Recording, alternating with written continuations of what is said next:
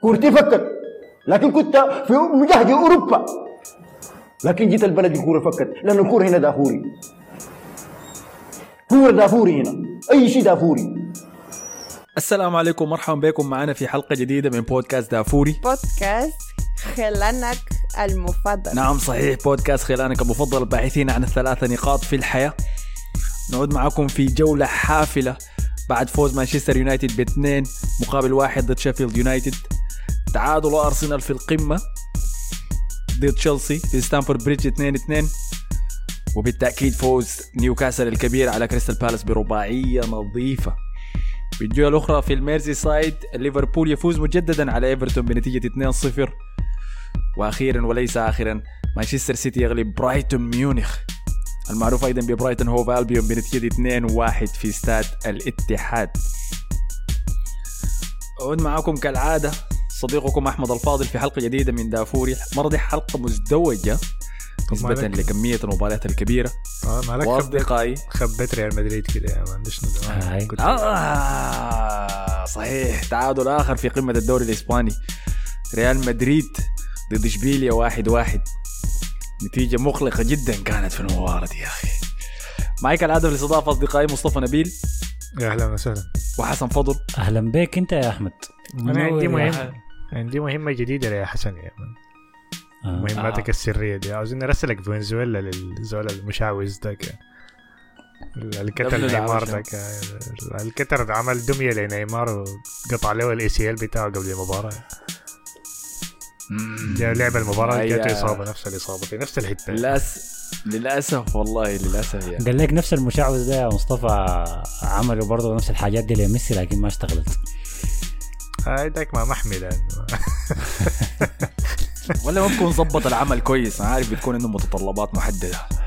يلا شوف دي دي مأمورية. أنا مستعد إني أمشي أتأكد منها بنفسي يعني. دي حاجة كده فعلا بن- مهمة يعني. فنزويلا فنزويلا بوليفيا. الألفلف البلدان دي كما أشوفها حاصل آه ما- باولا ما من آه. بوليفيا يا مصطفى. بتظبطنا. أي. أهل النسب. فنعود معكم المرة دي في حلقة مزدوجة. ما ذكرنا نتيجة مباراة برشلونة لأنه المباراة قائمة حاليا بينما إحنا بنسجل الحلقة دي. نسبة لازدحام الجدول. يعني فاعذروني يا برشلونية ما تقليل من برشلونة ولكن بس نسبة للضغوطات الزمنية. نعم. فنعود معكم في حلقة جديدة. الأسبوع ده حتكون مزدوجة الأسبوع الجاي غالبا حترجع حلقات منفصلة خلاص بما إنه عاد دوري الأبطال كمان تاني مجددا. طيب. في الكثير والكثير نغ- لنغطيه ولكن بالتأكيد لا يجوز أن نبدأ بلا أن نذكر التعليق الممتاز الذي تركه ود النور اللي قال أفضل بودكاست في العالم وفلسطين حرة. شيء لازم يعني نعيد ونذكره تاني إنه حاليا مرت 15 يوم من بداية الأحداث من هجوم ال- العدوان العنيف من الكيان الصهيوني ضد آه، فلسطين الحبيبة. ودايرين نذكر إنه كل دعواتنا وقلوبنا مع إخواننا في فلسطين. وبالتأكيد برضو ما حننسى وطننا الحبيب السودان ال- الحسي دخل يمكن على سابع شهر اليوم من ببداية الأزمة دي. فنتمنى كل المشاكل دي تحل في وطننا الحبيب العربي يعني ونتجاوز الأزمات دي كلها يا أخي. أنا أنا تعبت يا أخي من أزمة لأزمة لأزمة أسبوع تلو الآخر اشتقت الأيام كنت بس بعاني من الصدارة يا مان السيتي عنده كم نقطة أرسنال. ميسي حيغلب. ديل في المجموعات بتاع دي. كان مشاكل. اي احب اتعامل معاها. ما ده يا أخي. شفت شكله يا أحمد الحكاية دي كلها بسبب إنه أرسنال بقى ينافس على الدوري. مما أنتوا بقيتوا فريق آه، يعني. درجة أولى ممتاز كده العالم كله اهتز يا. ده ده, ده كل ما ميسي الفاز بكأس العالم. هي حاجة خربت بعد. آه كسر, أنا كسر التوازن يا مان أعتقد دي دعوات البرشلونية كلهم قالوا يا رب. يعني خد مننا أي شيء لكن بس بس يفوز ومن يوم ما شفنا خير مبابي كان عايز ينقذ العالم ونحن ما كنا عارفين. طيب آه، دايرين نبدا وين؟ نبدأ في قمة الدوري الإسباني ولا نبدأ في قمة الدوري الإنجليزي؟ أنا شا... أنا شايف خلينا ندق الإنجليزي كله مرة واحدة عشان لما نصل للإسباني في النهاية خلاص،. تكون حصلت تطورات في مباراة برشلونة دي ذاتها برشلونة اتلتيك بلباو الأسبوع يعني الجاي شوف. الأسبوع الجاي كلاسيكو كمان. هل حيكون في نفس الوقت بتاع مانشستر سيتي ومانشستر يونايتد الله أعلم هاتي بس ده شكله بيظبط آه. لأنه خدت المجموعه برضه خدت المباراة بس مباراة أرسنال تشيلسي خد ريال مدريد واشبيليا في نفس الوقت. هي بالله كان في نفس الوقت؟ نفس الوقت أيوه يا ما الأسبوع الثالث على. التوالي يا man قاعد يعمل الحركه دي. مقصود دي. طبعا حاليا حسب محوص لأنه عنده عين شغالة في مباراه برشلونة جاي جاي وعين معانا هنا. طيب خلينا نبدأ. طيب بقمة الدوري الإنجليزي اللي كانت تعادل أرسنال ضد تشيلسي 2 2 في الستانفورد بريدج. سلام آه، كلامي لازم- طبعا صح يا أخي هذا كل سوا ده تحية لمصطفى قال هي تكون كورة شديدة وهتكون تعادل إيجابي. الحلقة اللي فاتت. اسمه كان اسمه. منو اللقب بتاعك أنت؟ فارس بني فوت آه يا. كلها بصدرك يا man. فارس بني فوت فوت. آه، ما تقولها هي المشكلة بتنفع مع تشيلسي بس ما أعرف. ما بتنفع مع أي فريق ثاني بس أي حاجة لها علاقة بتشيلسي بتنفع ما أعرف. الإقالات التعيينات الصفقات الخسائر كلها. طيب أنا حبدأ بتعليق. كسل قال شفتوا نهاية استهتاركم بيننا؟ تعادل بقدرة قادر ولولا تغييرات البوتش الغير مفهومة لكنا فزنا بهذه المباراة. ده حال كلامه يعني. آه، ومؤمل الصديق جو دعم كلامه ده قال صحيح خربوها تشيلسي في آخر 15 دقيقة لكن الشوط الأول كان masterclass عديل كده من بوشيتينو وأداء ممتاز من كل اللعيبة. ما عارف 200 آخر مرة شفت تشيلسي بيلعبوا كورة كده. كلام صحيح. إحنا كنا خايفين إنه أو كنا بنتكلم إنه هل هل التوقف الدولي كان من صالح تشيلسي ولا لا؟ لأنه آخر كورتين قبل التوقف الدولي تشيلسي بدأ يرجع يلعب كرة قدم يعني خلينا نقول كده ما أكتر من كده. بيلعبوا بيسجلوا بيتحركوا المهاجمين بقوا يسجلوا أهداف الاصابات لعناتها بدأت تختفي. فقلنا هل التوقف الدولي هي هيقيف في طريق بوتشيتينو في ال ال ال ال الانطلاقة دي ولا لا؟ ويبدو إنه ما تأثروا خالص يعني. على عكس الجهة الثانية ارسنال اللي كان قبل التوقف الدولي منتشي بالفوز الكبير على السيتي معنويا يعني ورجع بعد التوقف ارسنال مختلف تماما يعني. حقيقة أنا داير أبدأ بتشيلسي داير أنصف تشيلسي لأنه كلام مؤمل صحيح. وأيضا كلام مازن FC مازن CFC اللي قال تعادل بطعم الخسارة صراحة لتشيلسي خطأ ساذج من سانشيز كلف الفريق هدف وجهجه اللاعبين. للأسف نسف مجهودهم لكن هدف مودريك كان ما كان نار. طيب خلينا نبدأ بالشوط الأول. هنجيب بعد شوية خلينا نبدأ بالشوط الأول. التفوق فيه تشيلسي حرفيا يعني. أنا ده كان أسوأ شوط أشوفه لأرسنال الموسم ده. في الشوط الأول المباراة دي شفنا استهداف واضح كان من تشيلسي للجهة الشمال بتاعة أرسنال. جهتهم هم اليمين الهجومية عن طريق ستيرلينج بس على مواجهة زينشنكو ده يا مان. والوضع بقى كارثي لدرجة إنه بقى ما محتاج تطبخ زينشنكو ذاته ما ضروري تولع النار. بس خدت الحلة كده بس في فوق الفرن. ما يحتاج تولع النار زي وبيطبخ يا man. نزل له يقع براو. كت... بي- بينزل له كتفه كده بس يا ما نزل آه. وبيكم ما بيبذل مجهود ذاته يعني ولا بيحاول إنه شنو آه، أعمل حاجة كده يعني. فأخذ كاري تصفر من بداية المباراة. دي الشكله مع النيني يا من جهجهد خلي الكيان الصهيوني ينفعك.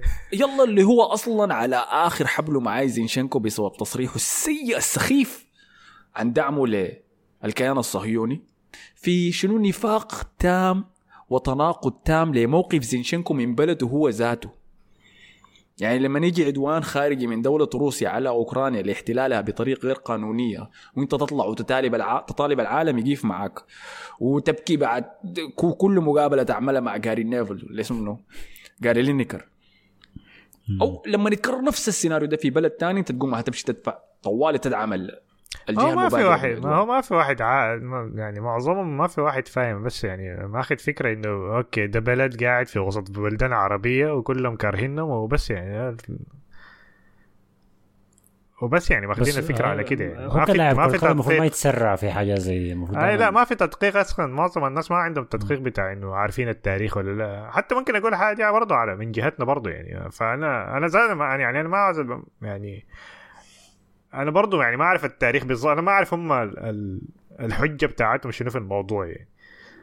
لأن إحنا كلنا بنعاين بجهة واحدة بس بتاعتنا يعني فهم ممكن نفس الحاجة عشان كده يعني. يعني أنت ما فاهم وجهة نظرهم هم ذاتهم آي. ش- شنو حقهم بالاستيطان شنو حقهم؟ فأنا مثلاً؟ ما فاهم الحاجة دي لأن الحاجة دي أصلا يعني في المدارس ذاته ما قرينا نحن بس سايكس بيكو وبتاع الحاجات دي يعني بس. ما لكن ما بيعفي لاعب اي أنا ما, ب... ما بقول لك. بالسر أيوه ما الناس بتتكلم بدون ما ده اسمه تفتش اسمه غباء يعني. بس ده آه، غباء اسمه أيوة، غباء. إذا غباء. أنت ما عارف حاجة ما تقول شيء آي. فهمتني إذا هو ما عارف التاريخ بتاع القضية الفلسطينية ضد العدوان الصهيوني ما تقول حاجة بس يا رب يكون النني يا man خمس يا man بيقولوا كده حتفرحني عديل كده هي طلعت قصة زي دي قالوا إنه حصلت توترات بيناتهم الاثنين ما في مصدر رسمي طبعا دعمه نسبة للتكتم الحاصل حوالين الموضوع من قبل الدوري الإنجليزي لكن أتمنى بس يعني النني أنت أسوي الدايرو ذكرني امرق النني من تشكيلة الاسوء اللعيبه طبعا كويس. طوالي رفعوا في ترتيبي. حتكلم عن العبادي الثاني ذاك يا man مش أطلع فيديو ال AI ده يا man. مخطوف. لكن على على أي حال هاي آم، كان في استهداف واضح لجهة زينشينكو طبخه تماما. تحية لستيرلينج. ده, ده, ده تفوق ممتاز شديد من ستيرلينج اللي كان بيقدم مباريات كويسة أساسا الفترة. اللي فاتت. فما بس لأنه زينشينكو سيء لأنه ستيرلينج كويس. ستيرلينج والله فعلا كويس بالكورة. معظم معظم لاعبين تشيلسي كانوا كويسين. يعني معظمهم يعني أنا داير أثني. داير أثني على ثلاثة بالتحديد. طيب ده اللي هم كانوا النجوم المباراة بالنسبة لي. مم. رقم واحد بالتأكيد بالمر أي. اللي كان مؤدي ارسنال يعني بين الخطوط. ال- يطلع. هو طبعا بوشيتينو فاجأ أرتيتا بالتشكيلة دي بأنه لعب 2 10 وبعد ده خلى بالمر في الدور الحر ده إنه يت- يتحرك ويطلع الجناح يخش الوسط على كيفه. فكان مسبب مشاكل كبيرة لأرسنال لأنه قلوب الدفاع ما آه. كانوا عارفين هو ما طلبوا كصفقه لكن. بقى من أهم اللاعبين يعني عنده أي أنا طبعا ما حتسرع وأقول خلاص ده هو الحل لكل المشاكل لأنه لسه يعني دي فترة الشهر العسل. مهجن ده يا man. اكتشفنا إنه مهجن الصفقه البيضاء بس ضغط عليه يعني عارف حزينة يا أخي قصة أنا شفت له فيديو بيغني راب كده يا man يا هذه حركات ال white boys يا ده مصطفى لما كان صغير كان معلق صورة إمينيم في حيطه حيطه بيته يا man. بيلبس هودي بيلبس. hoodies يا man كبيرة كده. واسعة لكن طلع إنه أبوه من آه، الكاريبيان. فأبوه مباشرة يعني أسود البشرة وأمه هي الإنجليزية. أنا وهو ماخذ-. ماخذ على الثقافة ال- الكاريبية دي شديد يعني هو. ما في حاجة تدل إنه في حاجة عرق اسود اللي- أطالب كلامه أبوه. كلامه. لا إذا إذا سمعت له مقابلة لما يتكلم مع الأب ده بيقلب للهجة ديك طوالي. أنا أطالب أبوي إنه يعمل DNA test اختبار ها جاك ها جاك حسن ها. انت لا، اي زول ها؟ ميرسو الرويال آه الحكاية دي. ما مطمنة. كيف يكون جدك أسود وأنت تطلع ابيض بالشكل ده كمان؟ في حاجة غلط مريبة شوية هي مريبة آي. شوية لكن أوكي ده رقم واحد بالمر. طيب الثاني ستيرلينج أكيد. يعني. الثاني بالتأكيد ستيرلينج هاي. أنا قلت لكم هو الرجل الأول بتاع تشيلسي هو اللي كان حاملنا في المباريات السابقة دي. لقطه البلنتي دي غريبة شوية لكن أوكي ما عليك. آه خلينا طيب نهبش عليها. والله يا أخوي شخصية كويسة من بالمر يعني. أصبر أصبر. جات عرضية كانت آه من أحد لعيبة تشيلسي لداخل الصندوق كان جوستو. لمودريتش. آه لمودريك أيوه. جوستو برضه كان لاعب كوره كويسة. جوستو أيوه أيوة. ضربت يد صليبا في الهواء هو داير يضرب الراسيه عشان يتم احتساب البلنتي. شوف الصيغه بتاعت الكلام يا أحمد مهمة شديد. فما تقول ضربت يد صليبا قول صليبة رافع يده وقاعد يروح بيلعب كرة سلة. هي قريبة لا، شديد هي الغلط قريبة يعني. هي هي قريبة شديد لكن الكرة كانت ماشية على الجول. المدافعين لما ينطوا وبيحاولوا يت- يعني يخلصوا الكرة براسهم بحركة يدهم بتلاحظوها مختلفة. حركة يد صليبة لأنه يد يعني كأنه طيارة كده. رافع يدهم الاثنين كده. دي ما ما, ما حركة سليمة. طيب هو ينط كيف يا حسن؟ اللعيبة لما ينطوا بي ينط كيف؟ ك... يعني يدينا بت- بتكون أقرب لصدرهم عشان أنت. تقدر تحرك رأسك.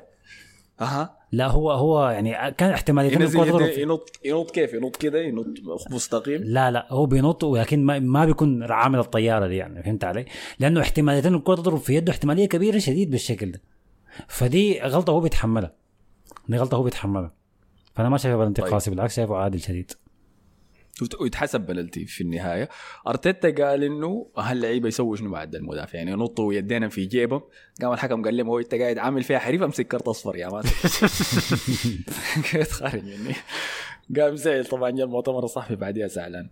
فتحسبت بنالتي لما الحكم منحها بعد ما شاف الفار يعني حصلت شكلة بين بالمر وستيرلينج على إنهم ينو يسدد البلنتي وقام جا فجأة جاء إنزو من ورا قال له هوي هوي شوت بالمر يا man شوت بالمر ستيرلينج قال شوت بالمر شوت بالمر هاي قام شالها أنا يلا بحسب له إنه لاعب جديد في الفريق صغير في العمر ما عنده الخبرة الكبيرة ديك ولكن مع ذلك تحمل مسؤولية الموقف.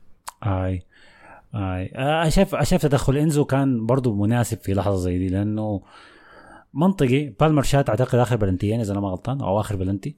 كان- شات آخر واحد في بيرنلي آه. سجلوا فما في داعي إنه كان يدوه ستيرلينج لكن إنزو بيتكلم ليه لا إنزو هو ضيع بلنتي ضد ويست هام. انت شنو اللي يديك تحكم كمان عشان تد... ما عاد، لكن السؤال بيطرح نفسه. الكابتن في الملعب يعني.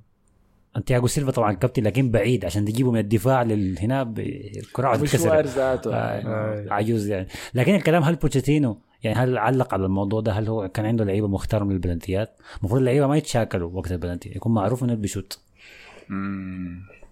ما ما سمعت له والله ما حتى ما ركزوا. لأنه حصلت أشياء أخرى في المباراة ما مم. لكن احسبها لو فقلت لكم الرجل الأول بالنسبة لي كان بالمر رقم اثنين ستيرلينج. الثالث أنا عارفه ثلاثة قولوا. جاليجر؟ بالتأكيد. حصان الجري بالتأكيد يا. المثابر. المثابر الأول أي. يعني في وسط من آه، دي, دي عينة آه، سوبوزيال داك ولا اسمه شنو ذاك السبالوجا ذاك وشنو فالفيردي سوبوزلاي. آه، آه، فالفيردي جاليجر دي كلهم كده يعني. لا لا لا سوبوزلاي ما في المحادثة لا لا في المحادثة ذاتها. يا man انت ما, ما. تنزل فالفيردي يا man عشان ما عجبك كلهم نفس ما داير تاخذ تمبرام الاثنين مع بعض. جاليجر ده تحت مستوى أقل منهم يعني. أنا شايف فالفيردي هو النسخة الأوروغواية بس من جالجر لا، لا. دي- دي محادثة من وقت آخر. ف جالجر هاي كان يعني من وسط إنزو كايسيدو الأغلى في العالم ال- ال- العليم الهالة الإعلامية دي كلها جالجر كان الافضل في المباراة دي. كايسيدو ما كان أكبر كويس. قدر مشاكل. كايسيدو شنو؟ ما كان كويس أنا شايفه عادي. كان كان عادي بس كان أقل. واحد. كان مدسم كايسيدو إذا أنت ما لاعب في system بتاع استحواذ زي برايتون ما بيظهر يعني. دي نفس المشكلة اللي كانت عند بيسوما السنة اللي فاتت مع كونتي. لأنه دي حاجة دي التدوير اللعب الباصات دي الحاجة الكويسة. ما هو عشان ارتكاز عشان بيكتر قوته في قطع الكورة قوته في الباصات بتاعته يعني، والاستحواذ. عشان كده في السيستمات زي دي ما حيظهر كويس شوف جالجر. آه، شوف ال one two ات آه لأنه بوتشينو حمل الكره الجري.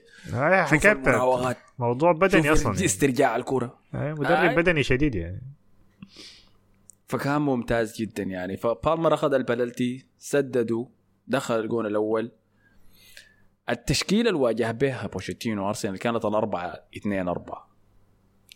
اللي هي التشكيلة اللي استخدمها ضدنا جوارديولا في مباراة الاتحاد ديك لما غلبنا برضه بأربعة واحد خسرنا فيها الدوري. اللي هي التشكيلة الشالة من الإرهاب الكبير نفسه. توخل يا man اللي قلت لكم كان بيطبقها مع تشيلسي. والغايظني إنه لقى حل للتشكيلة دي لكن ما استخدمه في المباراة دي. حاجة حاجة للنقطه دي إلا لوقت متأخر يعني. فانتهى الشوط الأول. أوكي أنا قلت لحد الوقت ذاك 1-0 أنا قلت ما مشكلة ممكن يعني. أنا عارف فريقنا بيقدر يسجل أهداف ممكن نغلبه. بعد ذاك جاء الشوط الثاني ومن بداية الشوط الثاني؟ أول شيء يبدا بالتبديل. زينشينكو برا طوال يا برا أيوه طوال. قال له يا عباد أنت أول إسرائيلي شيء. أول شيء ظهر في الشاشة لما رجعوا من الإعلانات أول شيء ظهر تومياسو أول شيء من قبل قبل ستامفورد بريدج قبل أي شيء. محتاجين تدخل آه، روحاني. يعني كان في لقطة طبخ فيها ستيرلينج آه زينشينكو. كان كوره من الحارس بس مسكوا كده. لفة شالوا بيه. ظهره لفه بيه حركة انتونيو هاي مم. لا تعليق. من بداية الشوط الثاني تمريره خاطئة من بين وايت اللي هو أصلا قباله جورجينو خدته في وقت سيء. جورجينو كان سيء في المباراة دي بين يعني. وايت ت- ت- ماشي كان قاعد في ال في ال في ال في الشاطئ قاعد يتشمس وصبغ شعره أصلا. بقى شكله منتهي. ما هو ما هو ما بيلعب مع المنتخب فهمتني قال لي أنا ما عندي حاجة زي دي. بيمشي بي بيستمتع يعني في التوقف الدولي. pass غلط منه وقع ل واحد من لعيبه تشيلسي أوديجارد. آه okay. لا أيوه.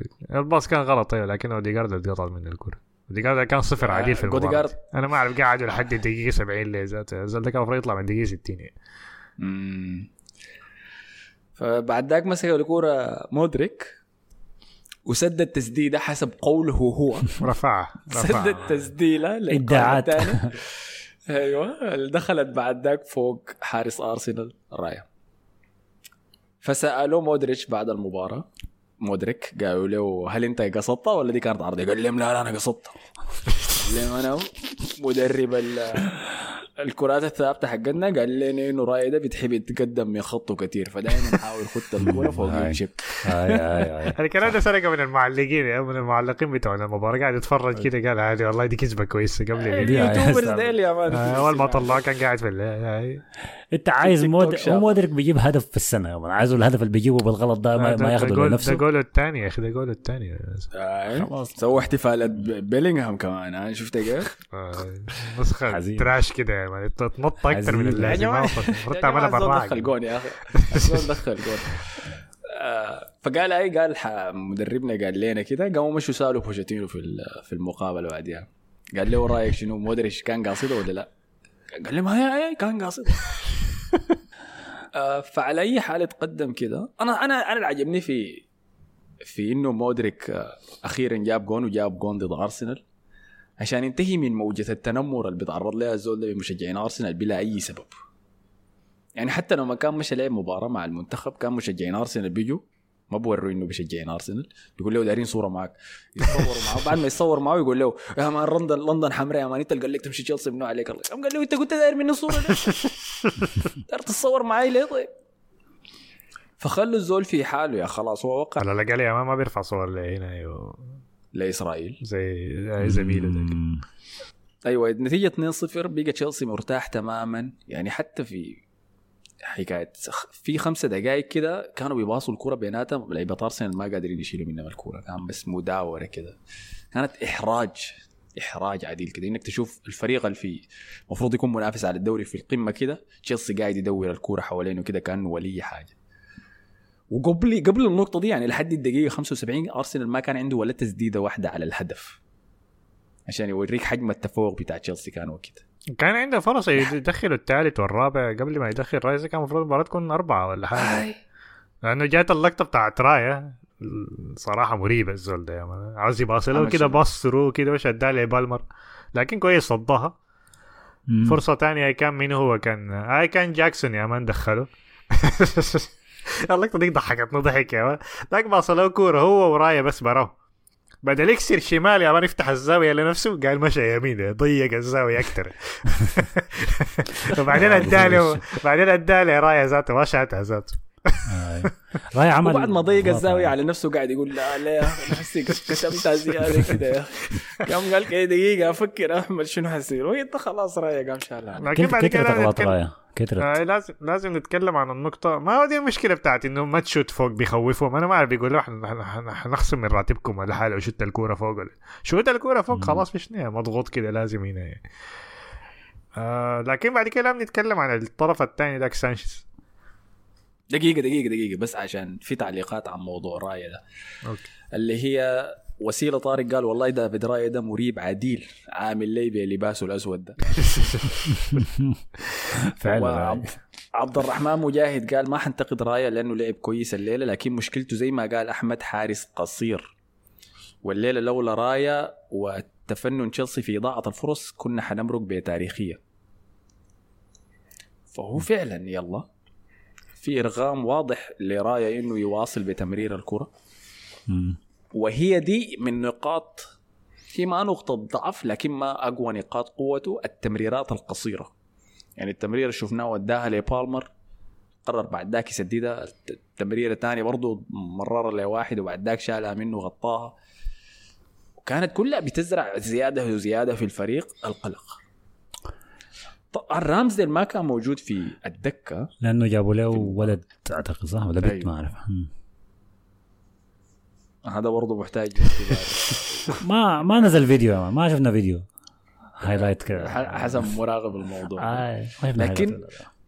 كل ما تجي مباراة متوترة من حارس وبالتحديد راي حاليا الناس قاعد ترجع لتعليقات أرتيتا إنه أنت قلت بلسانك في مباريات كنت عايز تبدل الحارس لأنه أثر بطريقة سلبية على باقي الفريق فلحد لما أرتيتا في مباراة يعمل التبديل ده الناس ما حترحمه في موضوع مقارنة رايا والرامزي دي. لو آه. أرتيتا كان صريح من البداية وواضح وقال هوي أنا وقعت مع رايا رايا ده حرسل أول رامز ده الاحتياطي كان الناس خلاص حيتقبل الموضوع. لكن هو القرر إنه يتفنن ويتفلسف. صريح زيادة على اللازم. في- في حاجة ما صار كذاب هو ما حيعملها. ما حد بيضيع ما في حد بيضيع له تبديل في حارس يا مان في حارس هاي ف طيب فده كان الجانب اليمين عند أرسنال من الكوارث الحراسية الجهة الأخرى سانشيز طبعا قالوا هو أنت قايل نفسك محط الاهتمام براك تعال هنا أنا أوريك ذاتي بيجاي أنا ساشيز ده ما فاهمه والله يا أخي. أنا ما فاهم هو هل يعني هو ما بيب... هو أنا ما أعرف هو بيباصي برجلينه كويس ولا لا. جاي من برايتون. فأتوقع إنه بيعرف يبا... عنده حاجة دي ولا ما عنده الحاجة دي؟ هو دوزير بيباعوا عشان السبب ده. إنه ما كويس كفاية. طب هو okay هو ما بيباصي. أنا ما شايف تشيلسي أصلا بيعتمد على البناء من الخلف. في المباراة دي ما شفت كده. احتمال. في المباريات الثانية لما يكون عندهم استحواذ مع فريق أضعف يعني ممكن. لكن الزول ده بس بيشتت الكورة. وما بيشتتها برا ذاته يعني ما بتصل ليزول يعني. وما بيكون مضغوط عليه ذاته. ازح الكورة دي مني. بيكون بيطفشها كده بيرجعها لأرسنال تاني فحاجة كده مقرفه ضد برايتون في الكاس ذاته في كاس الكركديه الزول ده مرر الكوره للعبه برايتون حكاية أربعة ولا خمسة مرات في المباراة ديك. وباقي التمريرات كانت زي ما أنت قلت خارج أرضية الميدان okay فاحتمال بوتشيتينو لاحظ الحاجة وقال هنا. يعني. فأنا ما ف... يعني هو لا بيباصي. نقطة الضعف دي عار- عارفينها هم فيه وحتى مشجعين تشيلسي أنت حسم تقول لهم الكلام ده حيقول لك آه إحنا عارفين الحاجة دي موجودة فيه يا مان طب أوكي النقطة دي إذا فيه. وهو ما حارس أصلا بيبسط بيب... يعني بيصد التصديات الخارقة ديكي فالفايدة منه شنو؟ ما هو يا كده يا كده ده يعني ما السؤال اللي أنا. سألته في الصيف ده السؤال اللي أنا سألته في. الصيف الفرق حاجة- شنو بينه وبين كيبا حسي أي ال... ال... يعني الحاجة الوحيدة المنطقية إنه بس تدبولي ده كده بتجيو نشوة لما نشتري من برايتون بس آه. بيشوف الخسران النادي بيشوف اسم النادي منه قبل ما يشوف اسم اللاعب يعني. الخسران أكبر في المحا... الأكبر الخاسرين في المحادثة بتاعت رايا وسانشيز وكيبا هو منتخب إسبانيا. جيل حراسه كعب شديد. ما في ولا زول نافع يا آه هو سانشيز ذاته حارس إسباني. أوناي سيميون. آه سانشيز برضه إسباني. لا حول. كلهم أنا نافع. ال- ال- اللي بيرفع آه، يعني غضبي.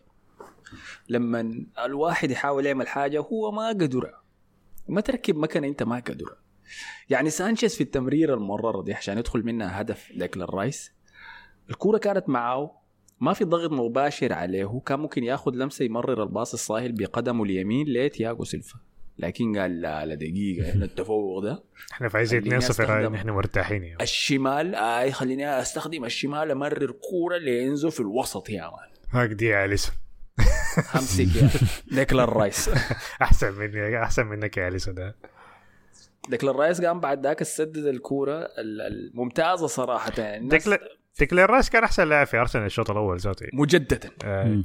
رغم إنه كان عنده أخطاء عنده تمريرات غلط لكن ما كانت يعني بسبب تفوقه في الأداء فما ما ظهرت ذات التمريرات دي لكن كان عنده ما كان يعني لأنه جورجينيو كان صفر أوديجارد كان كعب شديد. ف... بالضبط. فكده يعني. وأنا أكثر حاجة بتغزني الباصات الغلط في لاعب الوسط. دي, دي أكثر دي ال pet peeve بيسموها شنو؟ أنا ما أعرف. حاجة بت... بتزهدني يعني في أكثر حاجة لاعب الوسط لما يباصي كورة غلط. دي بتغزني شديد يعني. لأنه أنت وظيفتك واحدة انت بس. أنت المفروض تعمل شنو يعني؟ أنت قاعد تعمل شنو بتدخل جول لا بتدافع انت مهمتك بس تو- تو- توصل الكورة يعني. فمجددا زملاء ديكلان رايس في الوسط يخذلوه ومجددا هو الرجل الذي يحمل الفريق على كتفيه ويجر فريقه من من لا شيء إلى نتيجة 2-1 ليقرب النتيجة لفريقه. تسديدة خرافية. مما بدأ تسجيل مسافات الأهداف في الدوري الإنجليزي من سنة 2006 ده أبعد هدف يسجله أرسنال من المرمى في تاريخه من 2006 يعني من تسجيل السجلات عشان يوريك تأثيره. أنا ال- ال- اللي عجبني في اللحظة دي إنه دي هي أنا حتكلم طبعا رأيي في, في الأداء ده كله في النهاية بس لكن شنو؟ محتاج لحظات سحرية زي دي من لعيبتك الكبار لو أنت داير تفوز بأشياء في في ناديك.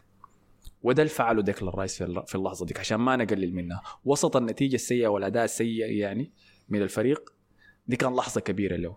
مم. طيب سانشيز أثر على المباراة بطريقة سلبية. خلص ال- التفوق. هنا بيجي النقطة الثانية بتاعت المدرب. وظيفة التبديلات في مباراة كرة القدم إنك تمنع موجات التقلب دي اللي بتحصل لفريقك. إذا فريقك على وشك الهبوط أنت تعمل تبديلات ترجعه تاني للأفضلية. ودي هنا في المباراة دي, دي النقطة الملحمية اللي كانت تبديلات أرتيتا وتبديلات بوشيتينو.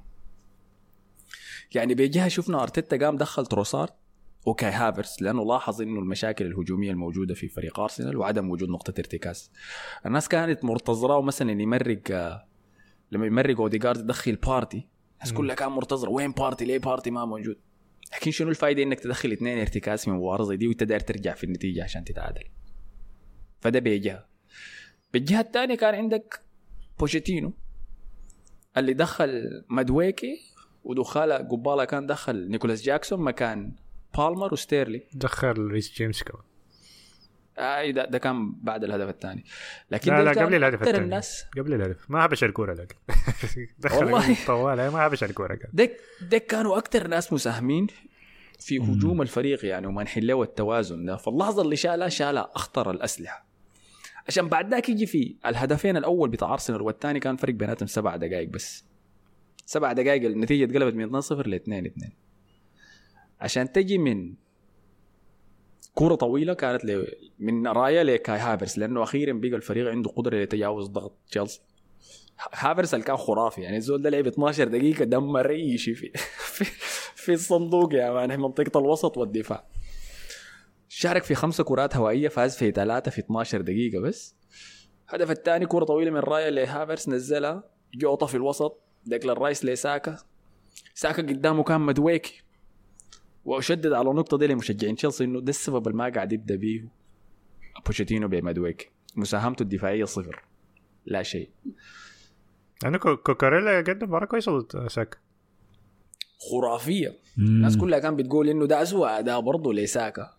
في الموسم ده. لكن أنا ما حقول حاجة زي دي ما لأن أنا ما شايف ناس ارسنال لو مشى الدوري الألماني ولا الاسباني هيجيب 30 جول. ما عندك كوكاريلا ده مدافع للدوري الإسباني. مطرود من برشلونة. عين عين النقطة وين؟ لكن كويس. يعني مثلا مارتينيلي مرق جيسوس مرق عمل تبديلات. ساكا اللي ما لعب مباراة وراجع في الأسبوعين اللي فاتوا وراجع من إصابة أرتيتا قرر يخليه. ودي. النقطة اللي أنا أيوه ده ذاك موضوع تاني. لكن الميزة بتاعت ساكا ال- ال- الحاجة اللي انت أصلا ما بتقدر تحسيمها انه ساكا ممكن يديك مباراة تعبانة مثلا. أربعة من عشرة آه يعني ولا. اللحظه ممكن يديك حاجة. يعني. بس لحظة واحدة بس. فكوكوريلا مقدم أداء 10 من 10 طيلة المباراة. لحظة واحدة بس عرضية من ساكا للقائم البعيد. تروسارد خلف النائم. مش اوجوستو ده ولا اسمه جوستو، ده. في له القائم الثاني بوف. عشان مصاص الدماء يسجل الهدف الثاني التعادل قصت عين كده يا الله ما كنت قايل وراي انت جيت من وين؟ يكون وين يعني تروسارد شكله صاحي من النوم يا دوب قومه كان قاعد كالعادة مان. آه، يتخيل لو لو نام 8 ساعات روسار ده كل يوم حيعمل شنو؟ يبقى شعر أسود الذهبية يبقى شعر أسود يا مان. اخ يلا فبعد ذاك سجل أرسنال الهدف الثاني وسط احباط من تشيلسي عن لعيبة تشيلسي ومشجعينهم المباراة كانت جايطة يعني في الدقائق الأخيرة. كان في فرصة واحدة بس لإنكيتيا يعني قرب إنه يسجل منها الهدف. ما قرب يا؟ تعمل اللاعب شفاتي بتاع كان انكتر تسيب عليه فالفيردي على لك الكيتيا ده. إحنا بالمناسبة الحلقة اللي. فاتت آه، استغلنا على. وجودك آه. آه فبعد ذاك انتهت المباراة بنتيجة 2 2 انت عارف لو انت أرسنالي بعد الأداء ده حتكون فرحان. حتكون متقبل يعني متفهم. لو انت تشيلساوي حتحس بها زي الخسارة كده إنك هاي بوجيشينو متقدم كان 2-0. زعلان بعد المباراة مم. قاعد يسلم على أرتيتا. فده كان كل شيء في موضوع أرسنال وتشيلسي. نمشي لمنو طيب الجاية خلينا نمشي ل نمشي ل ال Merseyside derby آخر بما إنه ده كان ديربي لندن خلينا نمشي للديربي الميرسي سايد ليفربول وإيفرتون اللي انتهى بنتيجة 2-0 فوز ليفربول على إيفرتون. اللي صراحة ما- كان مباراة جميلة دي يعني ما أعرف منو ال- اللي كان يمشي يشوف شون دايش. يهاجم أنفيلد. لكن موسى أوسكار قال كالعادة الميرسي سايد حمراء. وكرة قدم شون دايش اعفن كرة قدم في البريمير ليج. ما في واحد قال انه ش- ميرسي سايد زرقاء أصلا في في العالم العربي ده. عمرها ما كانت. عرفت- عرفت تعمل مشاكل سيد. ده منو اللي قال لك ميرسي سايد حمراء يا زلمة؟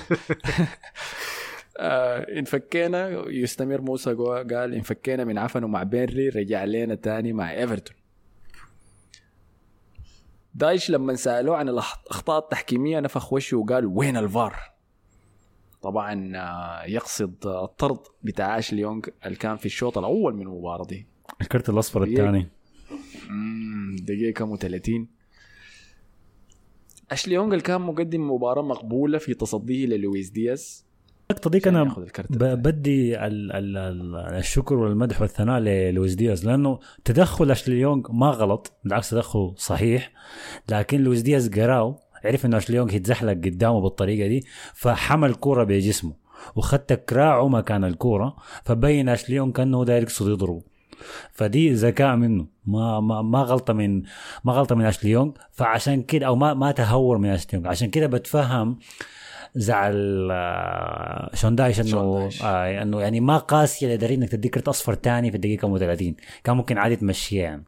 كان ممكن عادي الحكم يمشيها أنا شايفه ما كرت أصفر يعني كانت لكن حاسس إنه الكرت الأصفر الثاني كان جاي لاشليون كانت مسألة وقت فقط. أه، ف شونداي شاي قال وين كان الفار يعني في الموضوع ده؟ و موسى أوسكار قال برضو لكن شوندايش كان لما سالوه بعد مباراة توتنهام وليفربول عن رأيه في الفار قام قال لي أنا معجب شديد بتقنية الفار دي والله يا فالأيام دوارة يا شوندايش ده كلام موسى أوسكار. طبعا النقطة الكبيرة بتاعت الحديث في المباراة دي كانت محمد صلاح الذي سجل الهدف الأول من بنالتي كان في الدقيقة 70 وبعد ذاك هدف آخر في الدقائق الأخيرة من المباراة من صناعة داروين نونيز. آه، محمد صلاح الذي لا يستمر تحت الكثير من الضغط يعني مع أنه خرج في تصريحه في الأيام السابقة بعد أن انتظره العالم العربي أجمع. بس عشان يقول كلمة واحدة في موضوع فلسطين فقام خرج بالفيديو ال- الغريب ذاك. ما معرف السوداء. ما معروف زاوية الكاميرا من وين ذاته الكاميرا وين؟ أي ما في شنو؟ صوروا وين؟ ليه هو قاعد عاين فوق وهو في آه. نظرة ارتكاب في وجهه؟ والإنجليزي بتاع محمد صلاح ما ما سيء للدرجة دي يعني فما أعرف آه، ما كان كعب كده شكله أخذ كورسات من نفس المكان أنا بقرأ فيه عربي. ما أعرف الحاصل التصريح نفسه غريب الكلام نفسه يعني انت بتتوقع محمد صلاح يطلع بتصريح أقوى كلمات معبرة أكثر لكن طلع تصريح ركيك. يعني أنا ممكن أتقبله بديني لما اتقبله من واحد أمريكي غربي ما بيعرف الحاصل شنو في ال- في القضية. بتقبل منه تصريح زي ده. واحد محايد مثلا بتقبله منه لكن من محمد صلاح واحد عربي مصري مسلم لا غير مقبول خالص. بيديني إحساس إنه بيقرأ من ورقة والورقة بالعربي وهو لازم يترجم الانجليزي وما كان يعني نسوا إنه يترجمها للانجليزي فادوا ورقة بالعربي. فقاعد يترجم وهو قاعد يقرأ. أنت رأيك شنو في التصريح نفسه طيب؟ والله يا أخي تصريح أي كلام يعني أيوه حاجة حاجة كده بس يعني شغل PR يعني بس حاجة يعني ما يزعل أي زول بس. ده واجب. أنا ما فاهمه أنا ما. فاهمه ليه.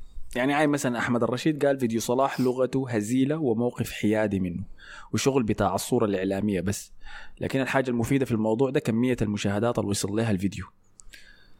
في زمن وجيز جدا وزخم إعلامي كويس ولو هزيل لكن بيكون عنده أثر. السؤال يبقى ردة فعل ال Premier League حتكون شنو؟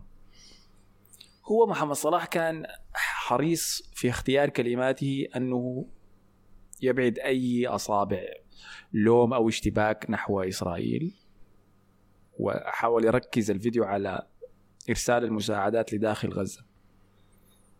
طيب تمام حاجة كويسة مشكور عليها محمد صلاح ولكن لا يعني في برضه إحساس بتاع ده ده قليل شديد يعني منك مم. أنا شفت الفيديو في في تويتر لما رفعوا فعلا كان فيه ملايين المشاهدات يمكن من أكثر التويتات اللي أخذت يعني تغطية في الموضوع ده ولكن حسيت بها ما قدمت شيء يذكر مم. اللي هي. المشكلة في آه، أيوه بالضبط هي المشكلة محمد صلاح زي ما إحنا جبنا سيرة إنه كان ساكت ما كان بيتكلم ما كان بيقول أي حاجة فالصمت لما زاد مع الوقت أو زادت الأيام زادت التوقعات إنه لما يتكلم يقول كلام كبير. ولما يتكلم هي يعني يسكتنا إحنا. فيعني صمت ظهرا ونطق كفرا يعني في النهاية ما قال حاجة مفيدة. الكلام بتاعه ركيك لدرجة إنه ممكن ينفع إنه يعني يكون فيديو لأي أي كارثة طبيعية تحصل في أي مكان. أنت ممكن تشيل الفيديو ده وتركبه في أحداث الفيضانات بتاعت الجزائر ولا ليبيا ولا الزلزال بتاع المغرب. يعني ما كان في حرب حاصلة ولا شيء. للدرجه اخذ أخذ تمبلت أو حاجة محفوظة كده نزلها بس. فهو أدى الواجب بس يعني لأنه عارف إنه كان عليه الضغط كبير كبير شديد فاضطر إنه يعمل حاجة دي. باين إنه مجبر عليه باين شديد. والما فاهمه أنا ليه هو حريص لهذه الدرجة في الحيادية ولا عدم الاشتباك ولا وضع نفسه في أي موقف يخته في مشاكل مع الدوري الإنجليزي ولا ليفربول. يعني محمد صلاح في مرحلة من مسيرته هو أنجز فيها كل شيء ممكن ينجز. مع ناديه مع المنتخب إذا داير يقدم شيء إضافي في فرصة موجودة للحاجة دي. لكن مع النادي أنت فزت بدوري الأبطال أنت فزت بالدوري الإنجليزي أنت هداف ليفربول حسي التاريخي. ما الذي تريده أكثر من ذلك يعني؟ قول فضل ليك حسي موسم واحد في القمة مع ليفربول انت حاليا في ال Europa League فانسى ال Champions League منافسة على الدوري. مع السيتي وأرسنال انت السنة اللي فاتت ما كان قريبين منهم ابدا. فأنت خاتي أمل مسيرتك كلها بس على الموسم ده؟ بينما بالطرف الآخر تخيل معي خد في راسك السيناريو ال- ال- الجميل. اللي أنا حسي كان في راسي عن تصرف محمد صلاح. مم. تحصل الاشتباكات تحصل الهجوم العدواني الصهيوني على فلسطين. أكثر مدينة شهدت حشد ومشا... ومظاهرات احتجاجا على التدخل ده كانت ليفربول. ليه نسبة لتاريخ ليفربول السيء نفسه مع الموناركية اللي هي العائلة الملكية بتاعت إنجلترا؟ فإذا لاحظت عبر العالم أكثر الدول التي دعمت القضية الفلسطينية هي الدول التي عاشت تحت قمع من قوات سلطة أخرى. يعني لما آه. تشوف الكوريين يطلعوا ويظاهروا لما تشوف ال- كتالوني لما تشوف ال- ال- كتالونيين في برشلونة نعم. الكتالونيين في آه. برشلونة. هاي لما تشوف الأقليات في أمريكا لما تشوف تشوف وين إيرلندا, إيرلندا. كلهم ناس عاشوا تحت القمع ده فمتفهمين له فليفربول موجود فيها الحاجة دي أصلا. وهم بنفسهم يعني فخورين بالشيء ده. فليفربول لما طلعت فيها المظاهرات الكثيفة دي يتخيل لو محمد صلاح كان وسطها. يتخيل الثقل ووزن ظهوره في موقف إعلامي زي ده. يتخيل محمد صلاح. وسطهم حامل علم فلسطين. كبير شديد. طيب حتقول لي لكن يا أحمد الدوري الإنجليزي حيفصله ليفربول حيعمل حيفصلوا برضه حيمنعوه من المشاركة حيعمل حيعملوا حقول لك ما مشكلة. الموقف ده يستحق يا محمد صلاح إنك تنهي به مسيرتك مع ليفربول فقط. ليفربول فقط. في الصيف كان في عرض مقدم من السعودية بقيمة أكثر من 200 مليون ريال سعودي ولا ايا كان يعني. لانتقالك للدوري الدوري هناك. ولا زال هذا العرض قائم. يعني الناس كلها عارفة إنهم حييجوا يحاولوا ثاني عشانك في في الشتاء. فشنو اللي يمنعك إنك توافق على العرض ده؟ وأمشي بعد ذاك. كن أسطورة الأساطير. كن أفضل لاعب عربي في تاريخ الدوري الإنجليزي. ولسه تلعب في الدوري السعودي وتمشي تشارك مع المنتخب. لكن لا. بس عشان موسم ونص. قول الموسم نص الموسم ده والموسم الجاي وبس بعد ذاك خلاص نهاية مسيرتك. على ماذا؟ مم. فإنت كده أثرت على تاريخك كله كأحد أفضل المواهب العربية شفناها في تاريخ المنطقة بدل من إنك تبقى أسطورة الأساطير حتبقى بس واحد من اللعيبة الكل- زي يا مان قدمني من شاماخ يا مان ولا ما دي.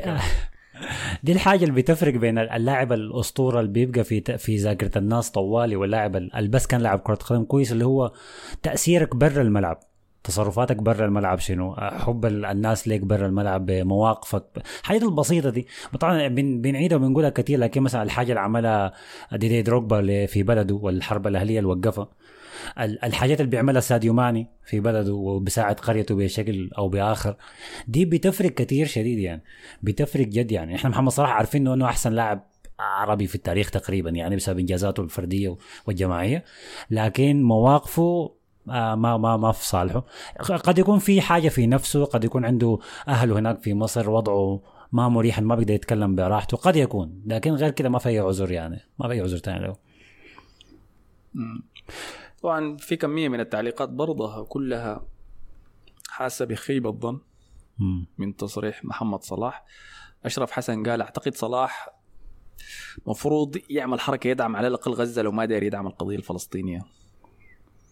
وكول مي مو قال صلاح كان لازم يتكلم. أهم سبب إنه الحرب الشغالة هسه دي الصهيون مركزين فيها على نشر البروباغندا إنهم هم الطرف المستضعف. وكثير من الناس بيصدقوا البروباغندا دي لأنه ما عندهم علم كافي بالموضوع. صلاح بتغريدة واحدة كان حيخلي الناس تعرف حقيقة القضية. وحجازي أحمد قال موقف محمد صلاح موقف عادي إنه ما يعلق على أي حدث لكن على الأقل كان يعمل شيء بسيط يخط صورة سوداء من دون تعليق ضد الوضع الحاصل في فلسطين.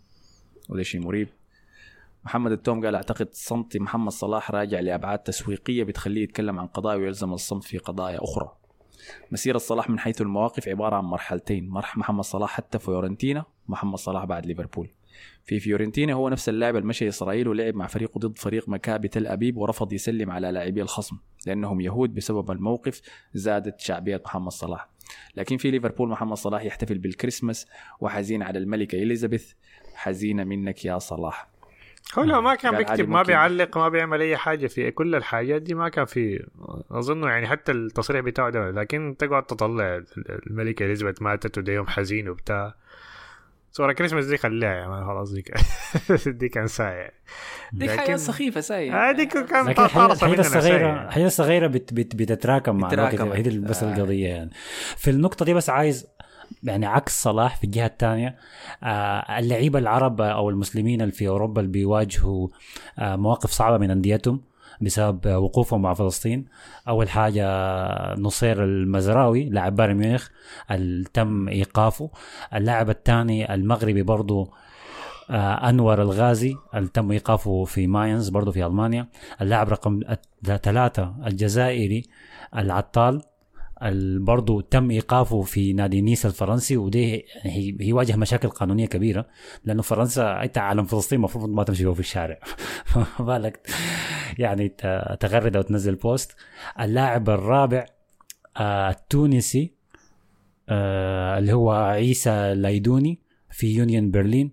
برضو بيواجه مشاكل هناك تحت التحقيق مع يونيون برلين.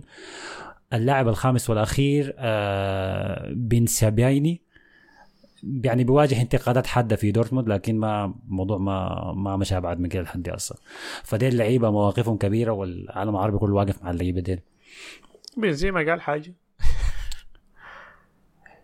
آه ما أنا ما متأكد إذا هو قال ولا ما قال لكن قلبوا عليه طلعوه اخوان طلعوه أخوان مسلمين وبتاع قالوا أسحب منه الكرة قالوا. إرهابي أي. وقالوا.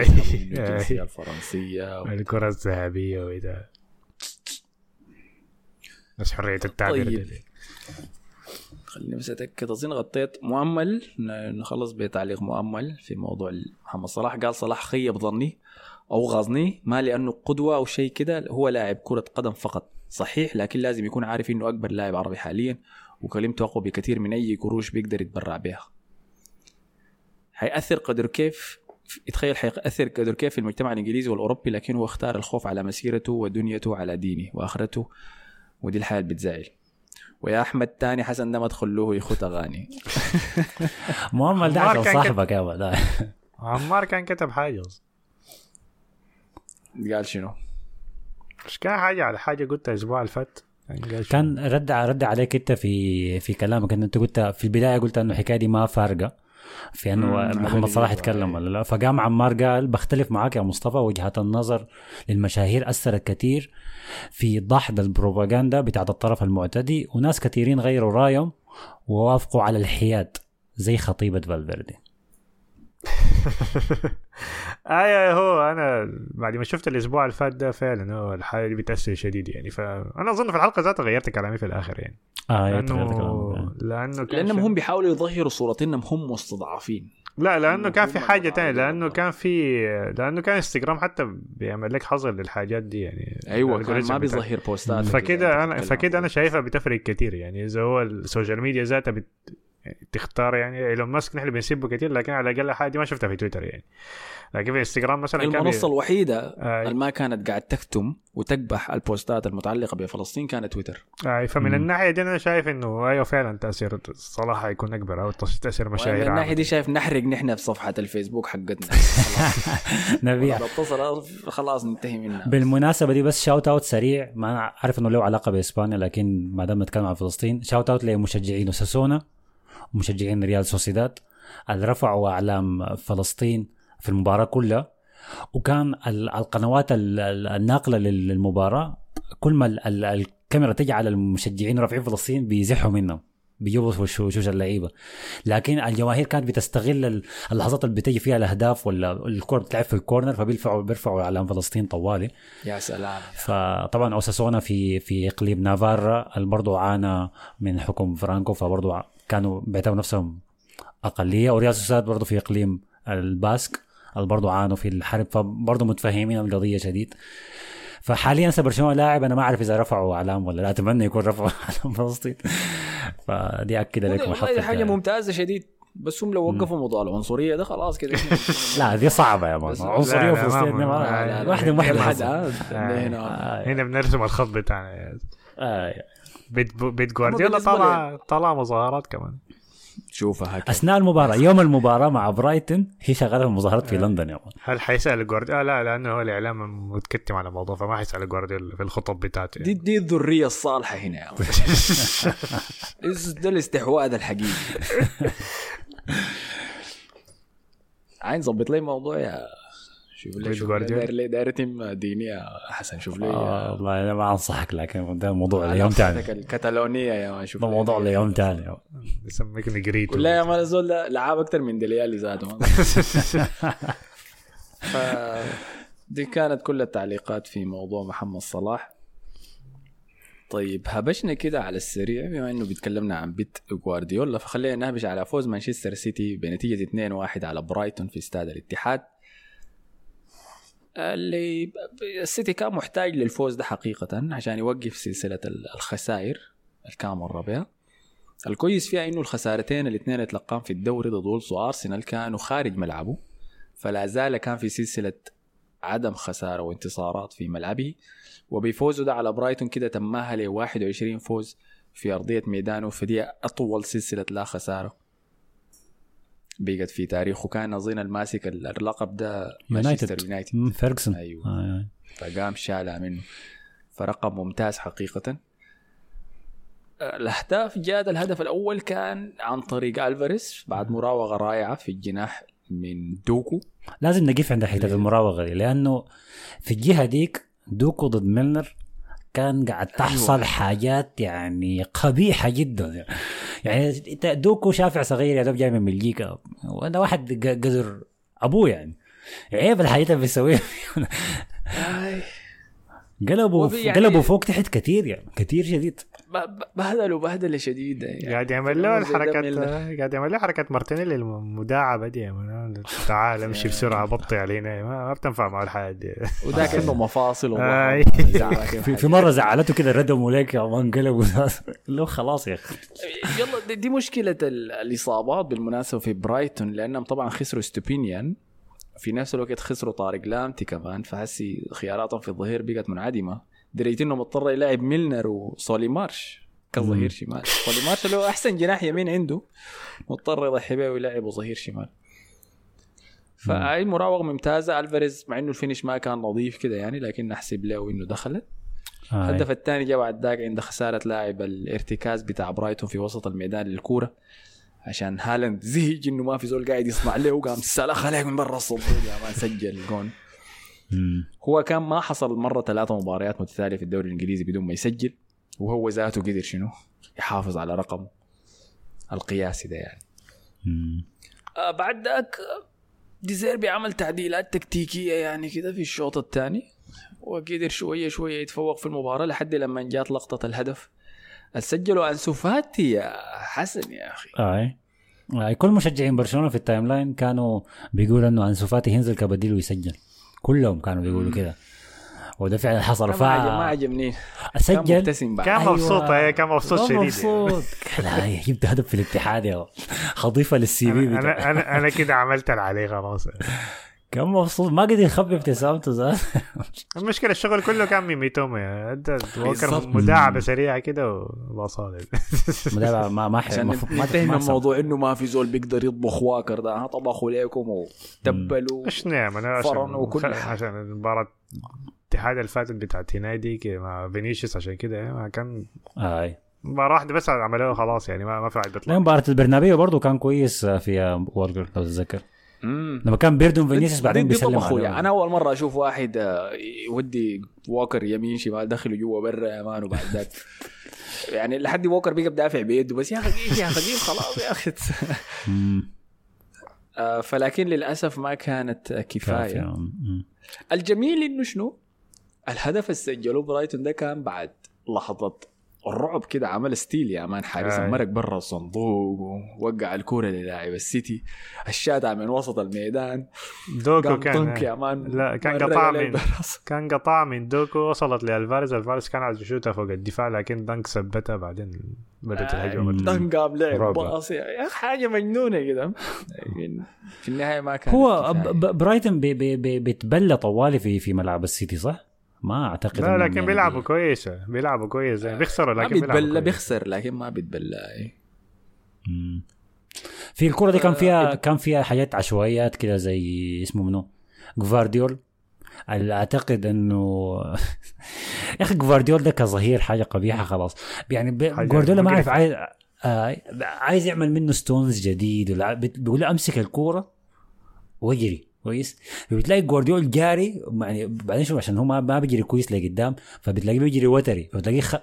بدا من الظهير فجأة بيلاقي روحه قدام القوس حق منطقة الجزاء. هو متردد لا عارف يشوت لا عارف يباصي. المدافع قدامه خايف منه هو كبير كده. حاجات قبيحة خلاص.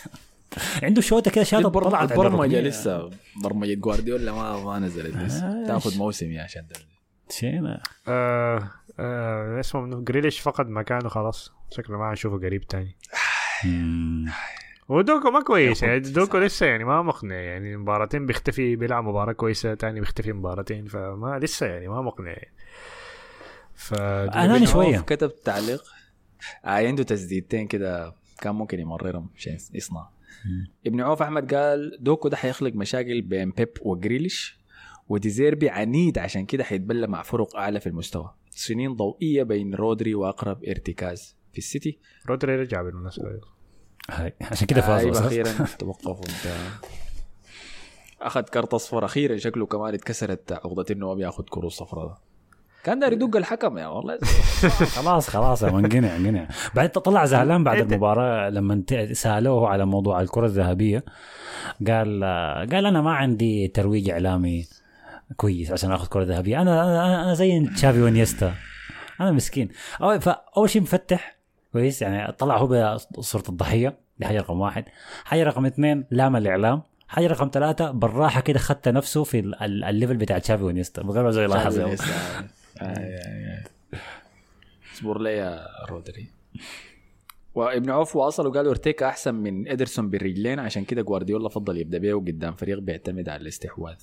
وإيدرسون ما كان مصاب ما صحيح لا لا هو بس رجع متأخر من مبارياته مع المنتخب آه فريحه على عكس أيوة. أيوة. اب حواجب هناك فالفيردي رجع قبل ساعتين مباراة ده دخل أساسي طوالي هاي.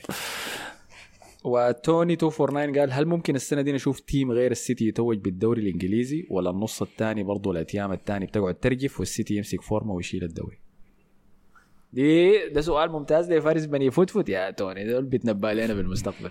أنا لسه متوقع إن السيتي هيفوز يعني لكن أنا شايف لسه لازم يغير في الخطة بتاعته دي.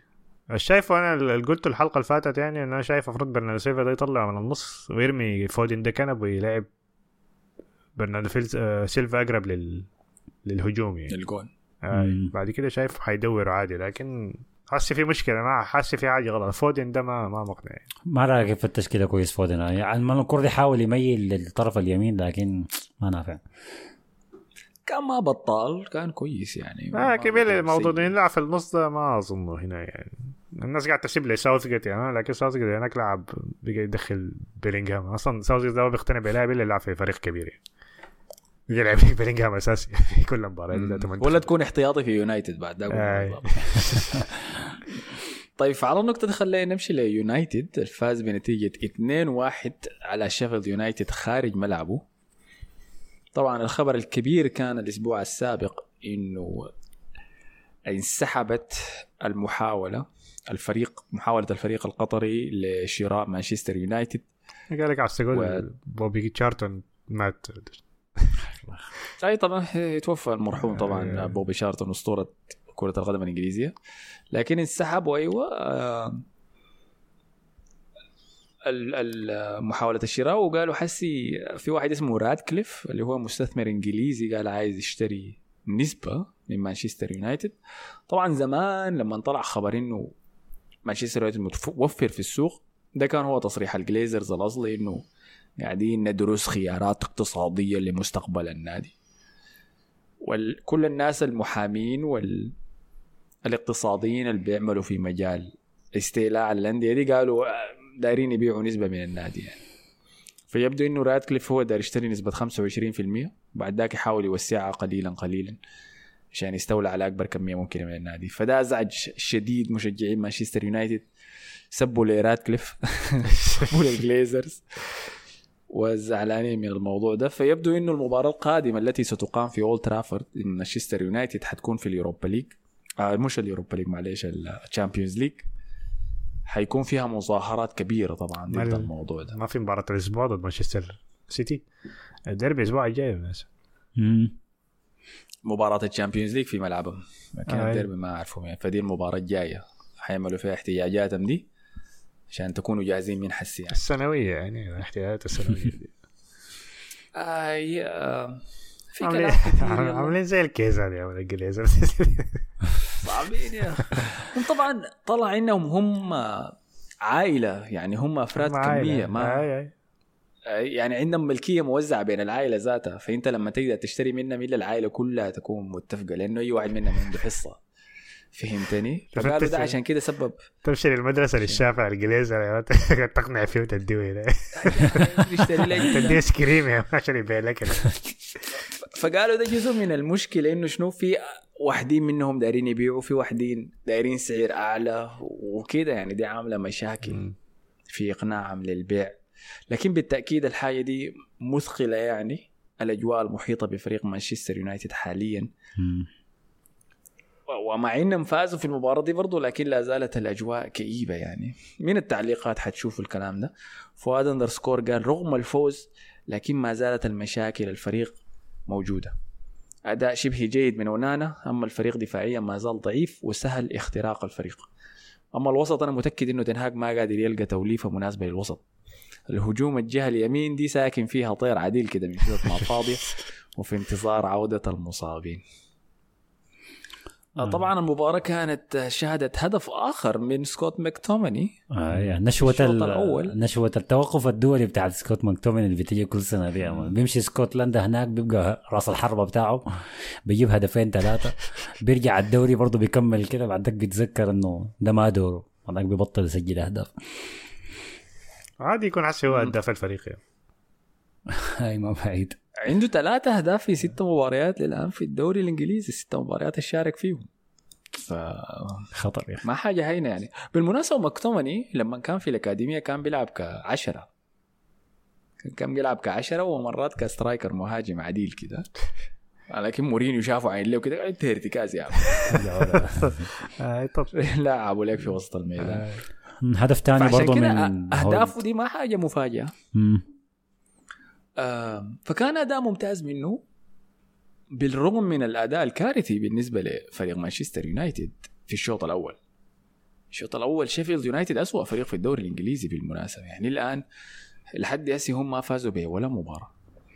وإنهم قدروا في شوط يهيمنوا على يونايتد كده كانت حاجة مقلقة شديد. فجاء الهدف الأول بتاع مكتوميناي ده بعد صناعة برونو فرنانديز. وحاخت صناعة تحت علامتين آه. تكسير يا man. بس هبش الكورة. ب- باص له الكوره دي في حاجبه ادى له أنا أنا زمان قلت إنه لعيبة تشيلسي تحت جراهام بوتر كانوا بيمرروا على مستوى الحلمه برونو بيمرر على مستوى الحاجب يا man. شفت؟ بيباصي الكورة لحاجبك وانت حاول تثبتها بعدين شنو ما ما يعني رفع عليه عرضية بحيث إنه هو يلعبها براسه. لا. انه دي تنزلها. الكوره دي تنزلها تحت. وتتصرف. أنا ما عندي شغله ذيك وهو تصرف يعني نزله والفينش ممتاز. يعني أنا عشان كده داير أثني على مكتومني. عشان أجي أسيب له بعد ذاك في الشوط الثاني لما يسبب ببنالتي أنت واضح. سجلوا مكبيرلي شنو؟ اظن بعديه بثلاثة دقائق ذاته ما في الشوط الثاني. بعد الجول بتاعه آه، في نفس الشوط يعني. لكن كان في البلنتي الشوط لا الشوط الأول آه لكن بعد لمسة يد واضحة يعني ما في أي حاجة. الكورة دي كعبة دي شديدة. مسافرة كيلومتر عديدة ورفع يده مشى كده. ماليه كده. شايته وين. عشان بعد ذاك يسجل ماكبيرني هدف التعادل اللي في شيفيلد يونايتد. الشين ده. شيفيلد يونايتد بس ما استغلوا. ده. ده حاجة في قائمة الأكل بتاعت ماكدونالدز ولا حاجة. آي وجبة يا man كا- كان عنده فرصة في الشوط الأول. يعني وقعت له وديك لو كان سجلها يعني كان ريح شيفيلد يونايتد شديد في المباراة دي لكن للأسف ضيعها هم فريق سيء يعني هم من قلت لكم دي أسوأ دفعة نشوفها في الدوري الإنجليزي. مم. وأنا خايف إنه السنة دي تتكسر أرقام يعني ارقام نورويش ما كان بيكسرها ح- حيدمروها لوتن تاون وشيفيلد يونايتد. اسوء فريق اظنه كان ديربي كان- قبل كم سنة أظن. أي صح ما فازوا كان في ولا مباراة لحد شهر واحد ولا حاجة. ذاك رفعهم لامبرد وخلاه مشى لتشيلسي. النسخة دي كان لا لا ال record ده كان زمان شديد كان كان كان لا لا كان 2010. كان زمانك شديد ده كان- أي. كان أيام ادي بايور وبتاع بدخل هاتريك لأرسنال وكده. ف حول. بعد ذاك الشوط الثاني يلا شاهدنا تحسن من مانشستر يونايتد. ده اللي قالوا تنهاج يعني طلع في المقابله بعد المباراة وقال يعني الشوط الأول اللي إحنا ما لعبنا كورة. لكن الشوط الثاني حاولنا نغير الحاجات نرجع التوازن بتاع الفريق وأخيرا سجلنا جون جميل. وصراحة كان شوط ممتاز. منه في الشوط الثاني. نسبة للأوضاع الحالية كان ممتاز. يعني أمرابط دق القائم برونو فرنانديز دق القائم من كرة ثابتة. هويلاند كان ممكن يسجل جون. راشفورد كان ممكن يسجل جون. ولحد لما جل أنصفهم الحظ يعني وبعد ذاك لما سجل دالوت الهدف الرائع ذاك من حافة الصندوق. ممتازه آه. عشان يفوزوا بالمباراة. لكن ما صح ما صح من يونايتد إنه يعاني قدام شيفيلد. ما صح. هو لحد أحلى 200 فقط. هذا وصلنا وصلنا شهر 11 حس ما في أي علامات على ال... على شكل فريق يعني فريق قاعد يفوز. الأسبوع الجاي عنده مباراة في دوري الابطال دي مهمة شديد يعني طبعا لأنه هو ما فاز في أي مباراة صح؟ خسر مباراتين ورا بعض آه خسر دي ضد منو؟ اظن والله أنا كل ما اتذكر يعني بيجي يونج بويز بس لكن يانج بويز وبازل ده الفرق منسقين معاهم يعني. خليني أشوف لك ف- حسي نتيجة. فلو؟ خسر لكن داير تقول آه؟ فلو خسروا المباراة دي خلاص تقريبا يوروبا ليج تعود مرة أخرى يعني. آه يا سلام والأسبوع الجاي عندهم سيتي. كوبنهاجن لعبت ضد كوبنهاجن الله عادي يخسرها يعني. مباراتهم اللي بعديها ضد السيتي في أولد آي. ترافورد في الأولد ترافورد كمان يعني لو دي كانت خسارة خلاص بعد كده تاني حترجع للجهجه ديكي وتاني الناس موضوع تتريس ومظاهرات. مم. ورونالدو كان صح يا العادة يعني.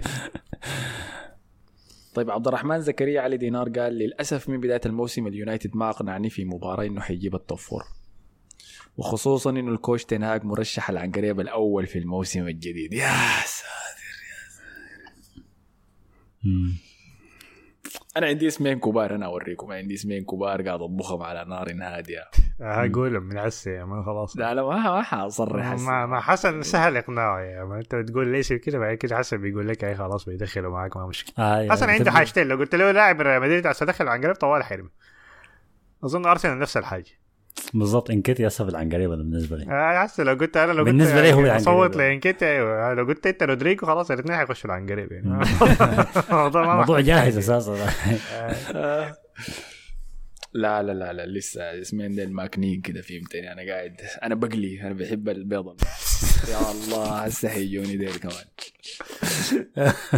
يجوني شرطة الخمسين. هو شرطة أحمد الفاضل. ده يستلم الموضوع ده. ما داري يشوف أي خمسينات في التعليم. الموضوع ده عندك. طيب ابن عوف قال تنهاج مدرب عادي مع العناصر المتوفرة له حاليا. مين جا ما في لاعب يتطور في اليونايتد غير فورمة راشفورد السنة اللي فاتت؟ ما كل ما نشوف صلعة معناها مدرب ممتاز. كلامه صح. مم. طيب أظن كده غطينا كل شيء خلاص في الدورة في الجولة بتاعت الدوري الإنجليزي. طبعا إحنا هنفوت كورة آه توتنهام لأنه هتلعب بكرة. إحنا بنسجل يوم الأحد. أيوه. بالضبط. لازم نعتذر. ده. متصدر الدوري الإنجليزي يعني. ما, ما فريق هذا هين فريق ده فريقك. ما تقول ينفردوا عارفين بالصدارة. ده فريقك يا مان. فرده بالصدارة. حيلعب ضد فولم بكرة. فده مدخل ممتاز كده عشان نقدر بعد ذاك نمشي لريال مدريد الذي تعادل في قمة الدوري الإنجليزي بنتيجة واحد واحد الإسباني. في استاد مدخل مدخل ممتاز كيف أنا قلت شنو؟ ما له أي علاقة خلصتها أنت قلت في الدوري الإنجليزي أظن ولا في الدوري أنت متصدر دوري إنجليزي صدق أي ما مصدر الدوري الإسباني كمان كان ريال مدريد صح؟ يا سلام يا. سلام أها آه، ملعب إشبيليا دي اسمه شنو؟ المستايا؟ رامون سانشيز بتاع المستايا ذاك منو؟ فالنسيا. ده لك العنصريين. فالنسيا أوكي. أي. أيوه. دي اللي برضه عنصريين. ده- والله يا أخي ده أقل شوية. ده على الاقل ده يتصرفوا بسرعة قبل قبل ما يرفع ال- آه. طردوه طوال يا man طرد المشجع طوال والله يا شك يا أخي هو مش شافع أظن عمره كم؟ 15 سنة ولا لا في واحد في في راجل وفي الشافع. ال- الراجل طرده أوكي الشافع قال له حنكلم أبوك ولا. آه، ف أنا يلا أقول لك حاجة المباراة دي كانت ممتازة والله كان. كويسة شديدة آه كان كان مباراة ممتعة شديد آه واضح إنه الباونس النهضة الجديدة مع المدرب الجديد كانت واضحة على لاعبين آه، إشبيليا ودي حاجة أقلقتني بشدة يعني ما آه. كنت. قلت لك أنا. قلت لك قبل أسبوعين قلت لك غير مدربه فخلاص بعد كده شيل شيلتك مباراته آه، وشفنا يعني مباراة متعادلة جدا أغلبية الفرص كانت آه، لإشبيلية لكن ريال مدريد برضو ما لعب سيء شديد يعني. الشوط الأول ريال مدريد كان. لعب كويس الشوط الثاني كان إشبيلية آه، كان أحسن. ف حصل شنو؟ في المباراة تقريبا دخل بنفس التشكيلة عادية لكن دخل بالظهير اليسار كان مندي وما بدأ بكامافينجا أساسي. في تغييرات غريبة صراحة لأن فالفيردي فينيسيوس ورودريجو كلهم كانوا راجعين من أمريكا أمريكا جنوبية ف فكان جو متأخر يعني. كان رحلة طبعا طويلة لأنه دايما دي بتحصل يعني في التوقفات الدولية. الاثنين وكانوا لاعبين ضد بعض يعني كان أوروغواي كان غلبت برازيل 2-0 في المباراة. طبعا أصيب فيها نيمار. و... فبدأ أساسي بفالفيردي في قرار غريب مع إنه كان يعني أنا ممكن أتفهم إنه يبدأ بفالف... بفينيسيوس ورودريجو لأنه ما في خيارات في الهجوم. لكن تبدأ بفالفيردي لو عندك نص وسط وكامافينجا لعب مباراة واحدة بس حتى المباراة الثانية ما كان لعبها مع فرنسا. فكان عندك الخيار ده. وكان عندك خيار طبعا مودريتش برضه كان موجود. فما لعب بالاثنين دخل بفالفيردي في المباراة دي. و... مودريتش لعب مع المنتخب؟ بيكون أكيد أيوه. بيكون. ما مح- ما محتاج أفتش أكيد بيكون له فبدأ بنفس extra time التشكيله كمان ها؟ 120 دقيقة. آه، بيكون لعب في بطولة كده أي حاجة extra time. تصفيات لعبهم extra time ساي كده بس. فدخل نفس العناصر الثانية كانت. والمباراة دي كانت مرتقبة طبعا لأنه اول مواجهه ضد راموس آه، يلعب فيها ضد ريال مدريد. راموس اللي قدم مباراة ممتازة صراحة. كان ممتاز من أول مباراة لحد نهاية المباراة. آه، كان ممكن يدخل جول كمان.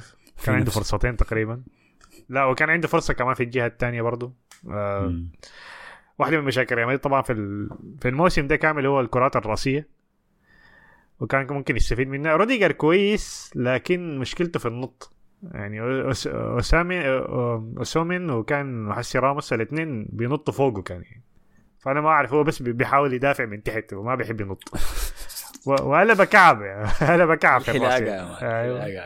وقلب كعب خالص في انت ما تضرب الكورة عشان تخرب الخط. إنت عارف المكان تحديده ممتاز منه أكانجي كانت طرد يعني. ده عامل braids وعامل محدد هنا. كان مجنون عديد يعني.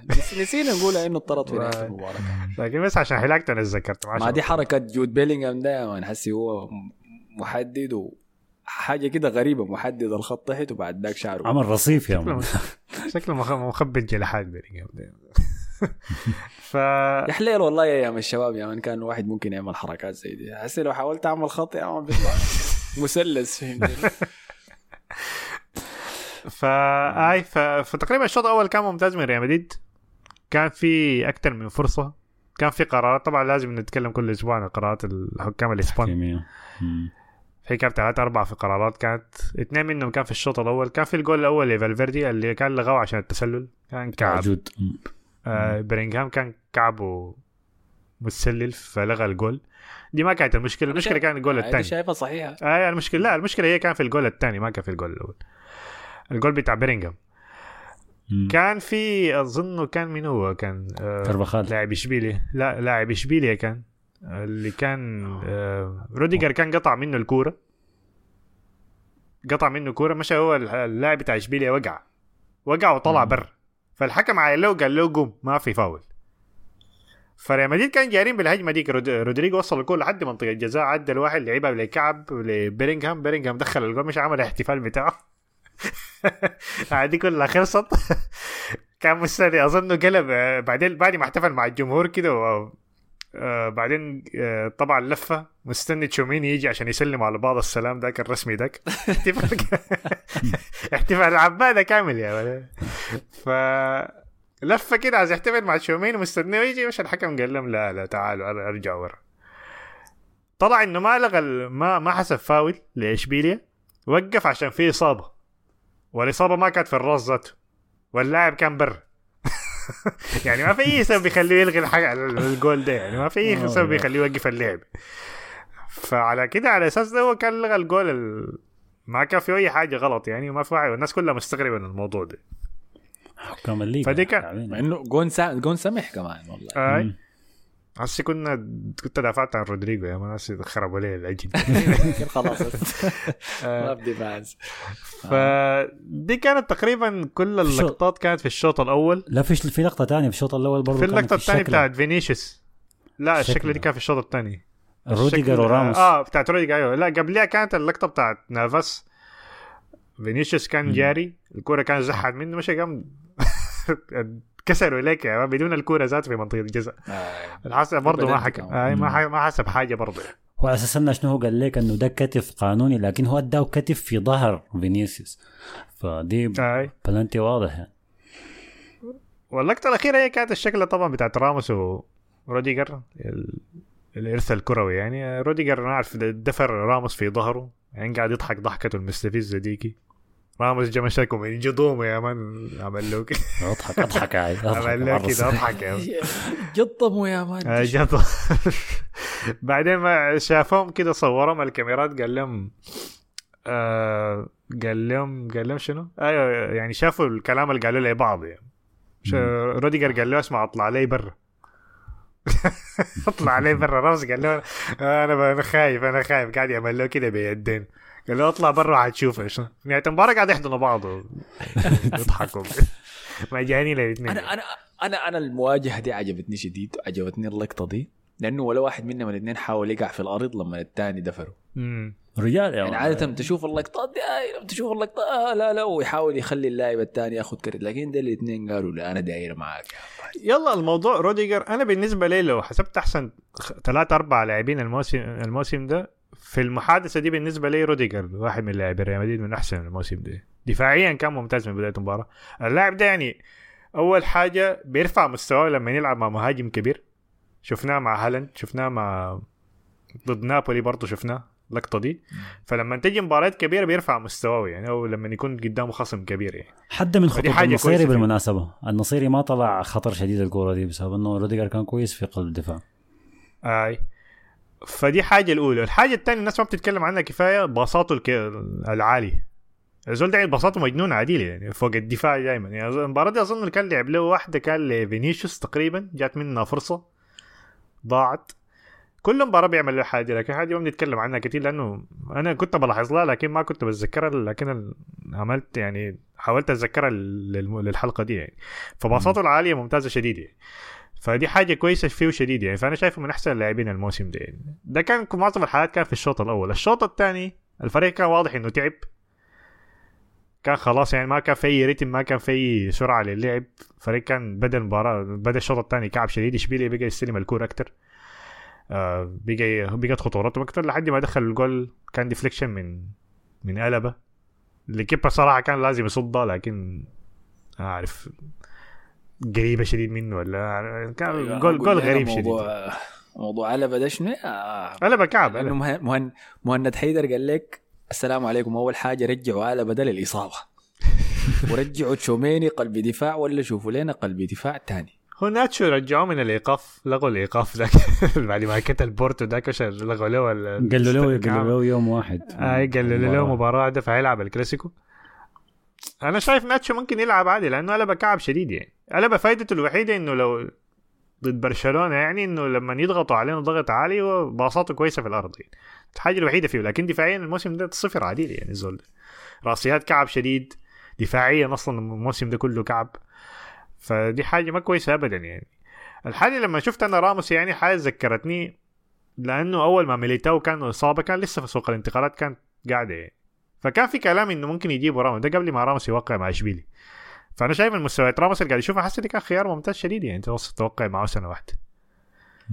ف يعني دي كانت فرصة ضايعة يعني. شايف إنه قلبه كان يمرق وراموس. لا لا لا لا عشان ميليتاو جاته إصابة يعني. لما ميليتاو جاته إصابة آه، كان لسه سوق الانتقالات لسه وكان هو ما كان عنده نادي أظن ذاته راموس في الوقت ده. فكانت فرصة والله كويسة. حقيقة أنا ما حضرت لراموس كفاية عشان أقدر أقول لك ده لكن الموسم اللي فات الناس كانت سابة له يعني في باريس سان جيرمان. اي لأنه ما فعل كان إلا لاعب بس كويس. كان عنده مباراتين كده مباراة بايرن ميونخ. هاي مباراة بايرن ميونخ الثانية دي كان أحسن. الم- الموسم ده ضد برشلونة كان كويس رغم إنه دخل. جول في نفسه لكن قدم مباراة ممتازة. والمباراة دي برضه قدم مباراة ممتازة فأنا ما هو ما كان حيكون أنا أساسي. أصلا يعني. أنا عجباني نسخة راموس في اشبيليا دي. عجباني شديد. آه. الزول ده مقدم مستوى كويس شديد بالنسبة لعمره. بعد يديك مباراة 90 دقيقة بالنسبة للعمر بتاعه ده.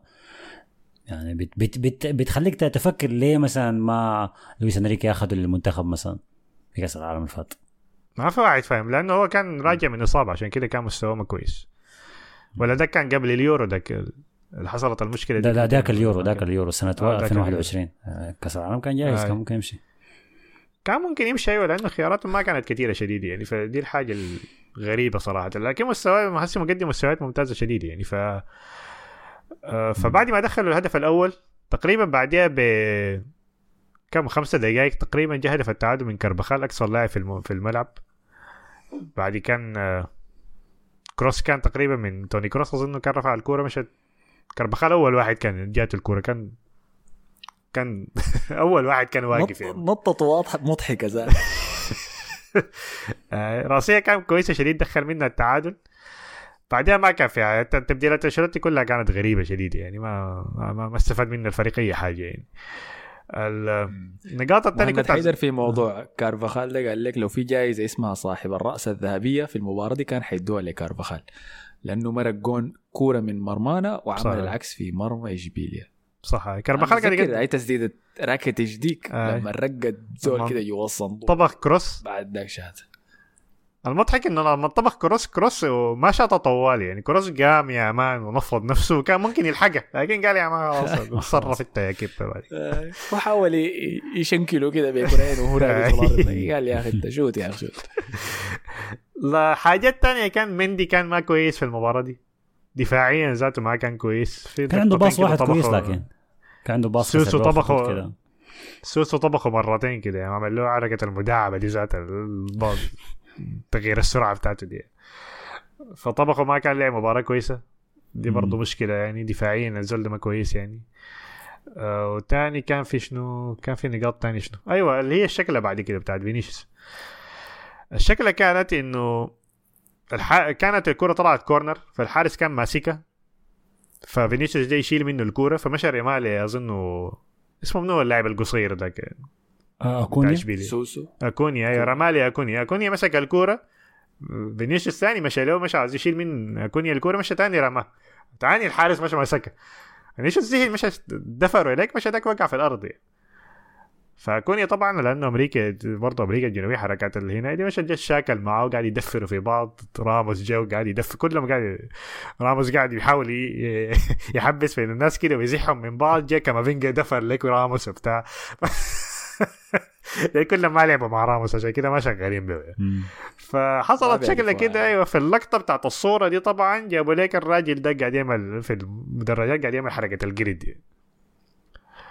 فالصورة دي أول ما انتشرت طوالي إشبيلية بعد المباراة أظن بعد حكايه بتاعت ساعة ولا حاجة نزلوا لك بيان. بيان رسمي نحن ما بنرفض التصرفات دي وشنو. وتم طرده اللاعب. أنا ما شفت الولد صراحة اللي عمره 10 سنوات ده لكن الزول ده شكله كبير. أنا استغربت ذاته قلت ده, كيف عمره 10 سنوات؟ لكنه طلع الراجل يعني ما طلع الولد. بعدها بكم ساعة كده أظن فينيسيوس نزل له البوست الطويل ده بتاع إنه إنه حصلت الحاجة دي و... وأنا وأنا بعتذر إن أنا بكرر الحاجة دي لكن الحاجة دي بتحصل في كل المباريات يعني. ودي حسي الحالة رقم 19 ولا حاجة كده كان رقم كبير كده غايته. آه وقال لي قال بالنسبة للولد الصغير قال دي حاجة مؤسفة إنه أشوف طفل بيعمل الحاجة دي لكن باين إنه ما قاعد يعلموكم. يعني. قال أنا قاعد أستثمر في التعليم في البرازيل لكن أنتوا هنا ما قاعد اي اي تعلموكم. أيوه موضوعنا قاعد أستثمر في التعليم دي غريبة شيء رمى له كده flex كده في نص البوست يعني.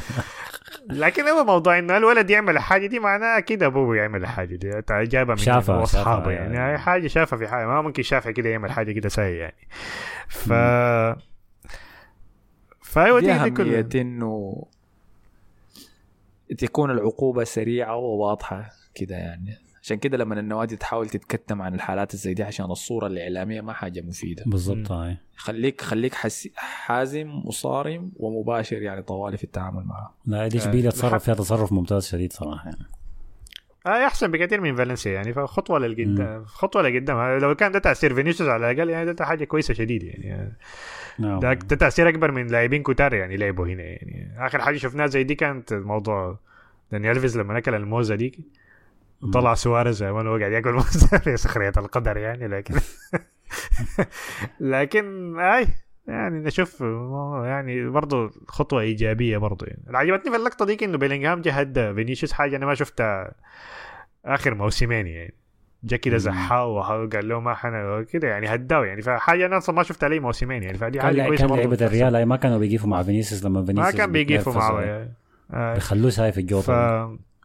فدي حاجة كويسة ما الناس. إنه بي- بيلينغهام أسود يعني من لا ما أيوه ما كامافينجا محسوب. وتشوميني ورودريجو ديل عاملين شنو؟ عاملين نفسهم بيض كامافينجا بس فالح في راح نسافر البرازيل وراح نتصور عجب الدنيا بس مندي بالمناسبة مندي بأسود عيني سيناء لا من دي ما نافع. تشوميني يا مان تشوميني طيب. عمل معاه شوميني ده مقابلة ما, يعني. ما شكله أسود بالمناسبة. تشوميني ده عمل معاه مقابلة قالوا له عايز تعمل interview مع واحد هسي قال لهم باراك أوباما. هي شايف ده دليل واضح. إجابة هاربة من 2010 يا ما اعرف إيش. آي، النظام لازم اوريه مني زول عندي صوص يا مان أفكر في إنه. باراك أوباما يا أخي. الرابر المفضل بتاعه دريك. غالبا. هشوفها آه. تعرفت فأيوة دي دي آه، كل ما عنده حاجة الصوص واضح إنه شوميني أنا اوريك عرفت كيف ما عنده صوص. الأسود ده يعني إنه شفت له فيديو بيرقص. وده وراني كل حاجة. خلاص كل حاجة. لا أنا شفت له فيديو بيعزف بيانو. فعرفت إنه زول ده من جوا أبيض yep ما اسود عن حسن دارين نشوف فيديو ليك انت بترقص يا. والله الفيديوهات موجودة لكن أنا أقرر عدم نشرها يعني. مالك؟ لا لا قالوا قاعد ترفع story ات في الانستغرام يا حسن. والله الناس بتعمل لي tag وأنا بشير ال tag اللي بتعمل لي. أنا ما برفع stories هاي. كويس. أنا ما شفته بس أنا أكيد مراقب الوضع. في واحد آه، ما كتب تع اسمه اسم المستخدم بتاعه في الموقع يا مصطفى. فتذكروا يا جماعة لما تكتبوا تعليق في موقع دافوري اضغط على صورتك فوق صورة المستخدم وخش الاعدادات عشان تكتب اسم المستخدم مم. أنا خليت الخيار ده موجود عشان اي زول يقدر يكتب اسمه بالطريقة اللي دايرني اقرا اسمه بها في البرنامج ف- ما تكتب دي حاجات كده plus 18 لو سمحت آي آي آه و two twenty 249 انت كنت لي ما قدرت اكتب أرقام في اسم المستخدم. أنا عدلت الموقع عشان أنت تاخذ أرقام ما فأخش أعدل اسمك كمان. لكن للأسف صاحبنا ده يعني ما كتب ما غير اسم المستخدم لكن قال بيتوقع شنو للكلاسيكو؟ هل حتأثر الإصابات على برشلونة؟ وهل بيلينغهام حيواصل؟ طيب أنا أبدأ بالجواب. برشلونة بالمناسبة حاليا الدقيقة 94 فايز على أتلتيك بالباو 1-0 آه الهدف جاء في الدقيقة 80 من لاعب اسمه مارك جيو. أول مرة أسمع به. من برشلونة. آه. على طار الإصابات برشلونة حاليا طبعا بيعاني من إصابات كثيرة شديد يعني. آه قريب الخمسه أو ستة لعيبة مصابين. لدرجة أنه هسه قاعد اعاني في الدكة بتاعت برشلونة. الدكة بتاعت برشلونة فيها ثمانية لعيبة. منهم واحد اثنين ثلاثة أربعة خمسة ستة لعيبة من الفريق بتاع الشباب. ستة لعيبة من فريق الشباب اثنين بس الفريق الأول. دكة بلباو فيها 11 لاعب. برشلونة ستة لعيبة شفع على الأقل واحد من الشفع جاب جون. فالإصابات فعلا ضارة برشلونة شديد. أنا ما أعرف في وقت الكلاسيكو ناس بيدري وليفاندوفسكي ورافينيا ودي يونغ ديل يلحقوا يرجعوا ولا لا؟ غالبا لا. ما يعني دي حاجة ما منتظرة. فهتأثر على برشلونة شديد بالعكس يكون هيكون كلاسيكو صعب. الحاجة الثانية مصطفى هسه check ت لك التوقيت بتاع الكورة. الكلاسيكو نفسه وقت كورة مانشستر سيتي ويونايتد الله 200 والصباح برضه هيكون ظهر عشان يسوي آه، أثناء اليوم هاي. هنا بتوقيت إسبانيا أربعة ونص. فعندكم حتكون ستة ونص. إنسان غريب يا أختي بس. مغرب يعني. طيب ها توقع توقعاتكم انت يا مصطفى كيف خاشين للكلاسيكو؟ التعادل يعني كان سيء ولا مقبول؟ هنا الموضوع الحالة النفسية قبل المباراة دي أنا شايفها مهمة شديدة يعني إحنا تكلمنا عن مباراة تشيلسي مثلا وأرسنال أنا يعني قلت إنه تشيلسي ممكن يطلع بتعادل ويطلع عشان الحالة النفسية بتاعت أنا بالنسبة لي يعني في حالات كثيره 60% ممكن من. من أهمية الحالة النفسية يعني الحالة النسبة مهمة بنسبة 60% يعني ل 40% مثلا الشغل التكتيكي بتاع المدرب يعني دي في حالات كثيره يعني. فالنتائج قبل المباراة مثلا مهمة شديدة يعني التعادل ما كعب خالص ضد إشبيليا وإنت كنت راجع من وكنت خسران يعني ورجعت في النتيجة دي ممكن موضوع الحالات التحكيمية دي يأثر لأنه في كلام يعني موضوع ال- ال- القضية بتاعت برشلونة ده يعني عامل شغل. يعني هي كل أسبوع بنسمع الحاجة كل واحد عايز يستفيد من الحاجة دي يعني ياخدها في مصلحته. يعني لما مرات يطلع يقول يا مان يسألوه أنت شايف إن عشان أنت بتلعب مع هنا ده القرارات التحكيمية ما في جانبه ويقول أيوه كده. وراموس يطلع يقول نفس الحاجة. مع مدريد يطلعوا كده compilation بتاع فيديو لكل الحالات الغلط. وبرشلونة بهناك يعمل نفس خلاص يعني الموضوع جاي كتير بروباغندا أي يعني. زول بيطفر آه، آراء الحكام يعني آه. قرارات ويجي بيلينغهام. آه ويجي بيلينغهام لما نكسر في ال في ال كان شنو هو كان في الديربي لما انكسر مين هو كان كسر كوريا. وبعدين سيميوني طلع قال ده كان ممكن يكسر رجله وكان المفروض يكون طرد فالحالي كل الناس عايزين عايزين عايزين يضغطوا على الحكام يعني عشان والموضوع بقى كعب شديد والحكام أصلا كعبين يعني. فالموضوع جايد شديد يعني. فالحالة ممكن تخش يعني تعمل يعني تأثر على اللاعبين من البداية إنه الحكام ممكن يكونوا ضده خاصة إنه ضد برشلونة ذاته القضية عليهم. فالحاجة دي كلها ممكن تدخل في الموضوع يعني. لحد لكن من بيب جوارديولا سألوه يعني بيب جوارديولا سألوه في المؤتمر الصحفي. قال له رأيك في القضية بتاعت برشلونة؟ قال لي انت قال لي انت انت ما شفت أنا شكلك صغير ما شفت برشلونة زمان بيلعب كورة كيف؟ أنا هرسل لك فيديوهات يا مان. فالحاجة دي كلها هتأثر. ال- من ناحية اللاعبين يعني شايف بسبب إصابة برشلونة أنا شايف المفروض ريال مدريد يفوز في المباراة دي. المفروض يعني. لكن ده أنشيلوتي ضد برشلونة عارفين اللي بيحصل شنو. يعني مباراة سهلة. المفروض ريال مدريد يفوز بيفوز بنتائج كتير يطلع لك بواحد صفر. مدافعين المباراة كلها ضد فريق كله عندهم ستة لاعبين غايبين يعني. فالحاجات اللي بتحصل كل موسم بتزهقنا دي يعني. غير كده أنا الم... في عامل مؤثر يا مصطفى اللي هو في مباراة دوري أبطال في النص. آه إيه لأنه الفريقين لاعبين في دوري الابطال و... وما يعني ما مباراة نابولي مثلا دي سبورتنج براغ وكان ولا حاجة زي كده. ريال مدريد لاعب براردو أظن. برشلونة لاعب في ملعبه؟ برشلونة في ملعبه ضد شختر فريقكم يا أخي. ممكن تفرق دي أيوه إنه نحن يعني ما في ملعبنا وكده. لكن غير كده أنا شايف إنه الحاجة من ناحية تشكيله يعني ولاعبين طبعا اداء ألابا قلنا إنه ما كويس دي نقطة. النقطة الثانية مندي هل حيلعب؟ أتوقع إنه حيلعب كامافينجا أساسي في المباراة ديكي. والنقطة الأخيرة إن أنا شايف يعني فينيسيوس ما لعب في المباراة دي كويس رودريجو لسه مستمر في مس- مستويات الما كويسة ده لسه بيأكد لي إن التشكيلة دي بتنفع بيلينغهام بس يعني من- اللاعبين الثلاثة المهاجمين دي. فينيسيوس ما بي ما بيحب يلعب كمهاجم. رودريجو أصلا طلع قال في واحد من التوقف الدولي أظن الفات ده ولا اللي قال إنه أنا مركزي الأحسن يعني إنه ما ما مهاجم. مركزي أحسن على الأطراف يعني. فالاثنين أصلا واضح إنه ما أنا شفت التصريح ده قال أنا في ريال مدريد مضطر إني ألعب كراس حربة. أنا هذا ما مركزي لكن. ما عجبني الكلام ده يعني. لا لكن في الآخر قال إنه لكن أنا بحاول أشتغل إنه العب في أي حتة يعني في النهاية قال. لكن أصلا يعني الحاجة دي واضحة إنه أصلا من زمان قال ما حاجة معروفة يعني قال إنه إنه قالوا إنه موضوع المهاجم ده انه ما ما بح ما بيحب يلعب مهاجم. فالتشكيلة دي نافعه مع بيلينغهام أكتر حاجة. لكن بيلينغهام بمستوياته دي فالفريق قاعد يفوز معظم المباريات يعني حاليا. فما منه ضرر يعني إنه إذا هو أحسن لاعب بيقدم مستويات دي فأنا ما شايف منه ضرر حاليا يعني اللي قدام ممكن تكون مشكلة طبعا عارفين إن أنشيلوتي ما عنده المرونة التكتيكية ديك عشان يغير الحاجات دي لكن هم أنا شايفهم الاثنين متأثرين من الموضوع ده يعني. فدي حاجات تانية. مؤثرة على الفريق يعني من ناحية تسجيل الأهداف يعني. فدي من راحة ريال مدريد غايته يعني طبعا. برشلونة. ما ما عايز يا أخي أتكلم. طبعا برش- برشلونه فاز خلاص المباراة انتهت. أنا أنا ما متفائل صراحة. الإصابات دي يعني بتخليني اتشامس 1-0 ده اتلتيك بالباو في ملعبنا. لازم أشوف المباراة حصل فيها شنو؟ أكيد الأداء ما كان مقنع يعني. فأنا ما متفائل للكلاسيكو. بس متفائل من ناحيه انه دائما الكلاسيكو ما بيفرق معاه الظروف ال- الحاصلة مر بها الفريقين. يعني ال 90 دقيقة بتاعت الكلاسيكو ما عندها أي علاقة بإصابات المشاكل المالية ال- منو الكابتن ده جاي منو اللعيبة اللي أدائهم كويس ما عندها أي علاقة بالحاجة دي. إصابات المالية قال قبل شوية. المشاكل المالية. طبعا لا- لابورتا بالمناسبة طلع في تصريح قال قال إحنا نحن في ناس قال عايزين يوقعونا. لكن إحنا ما بنقع. إحنا مستمرين. عندي لكم أخبار كعبة. إحنا مستمرين. إحنا هنكمل يا قال خذوا خذوا الفيديو ده. غير الله يجي نزل لنا فيديو. نزل لنا فيديو بتاع الملعب الجديد. آه، ده علاقته كبير. شنو يعني. ده الملعب اللي حتفتحه بعد 10 سنوات ده. آه أنا ما أعرف فتح 200 زود الملعب ده. فانا أنا غايت متشائم من ناحية يعني منطقيا أنا متشائم.